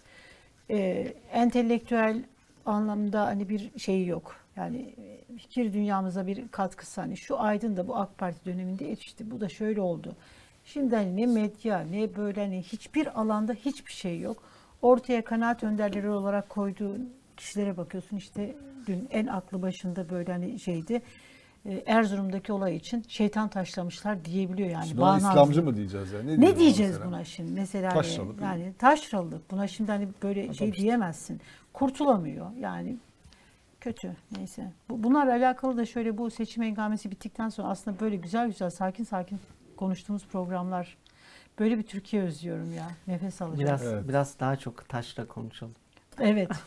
Evet, kimlikler, şey. Kimlikler, Ben şey. geçen bu hafta sonu e, Cizre'deydim. E, Evet. Orada e, bir küçük çocuk vardı böyle düğünde. Çok da güzel bir yöresel kıyafet giyinmiş. Yani şimdi bunlar o kıyafetleri giyenler hemen terörist diyorlar.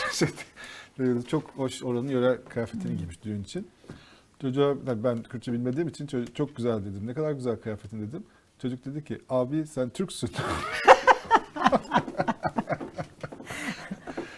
Sonra evet Türk'üm dedim. Olsun dedi. Konuşmaya Ama bir şey söyleyeceğim. Takdir Sizin etmiyorum bu, Türk olmamı. e, Doğudaki gezilerinizden bir tanesini beni de alın. Artık hani sabote edeceğim. Sizi şey yapacağım yani Twitter'dan böyle Tabii seçimden sonra. e, seçimden sonra hep böyle Gezelim. aa, adam adama İnşallah. gitmeyin. Biz inceleme yapıyoruz. Sosyolojik incelemeler bunlar. Tamam siz incelemenizi yapın ben gezerim orada. Peki çok teşekkürler Roş. teşekkürler. Çok Roş, sağ olasın. eline Ee, sağlık. bizim bugünlük bu kadar arkadaşlar. Araştırmamız. Birazdan Karar TV ekranları yine açık olacak. Ee, Ahmet Taş getiren ve Mehmet Ocak'tan sizlerle beraber olacak. Yarın biz burada olacağız. Ee, seçime kadar böyle seçimlere kadar yani seçim gününe kadar böyle ara programlar koyabiliriz. Ve arada kontrol edin hani program var mı yok mu? Çünkü YouTube'dan nasıl hani bu uyarı veriliyor falan ben bunu bilmiyorum. Yoksa bütün izleyicilerimiz hani şey gönderebiliriz. Ee, görüşünceye kadar kendinize iyi bakın. Bugün soğan olmuş kaç para? Hadi ya. Bıktık ya. Bıktık ya. Bıktık usandık haydi can Yeter daha. Hadi. Yetti haydi haydi kazanalım haydi Haydi ilk turda bitirelim bu işi. Biz getirdik, biz yollayacağız. Haydi hep birlikte sandığa. Sana söz Türkiye kazanacak. Haydi. Haydi Türkiye haydi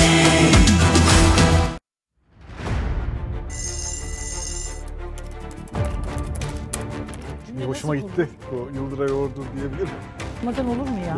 Başımıza taş düşer. Yok sen oku ben. Şey oldu, krize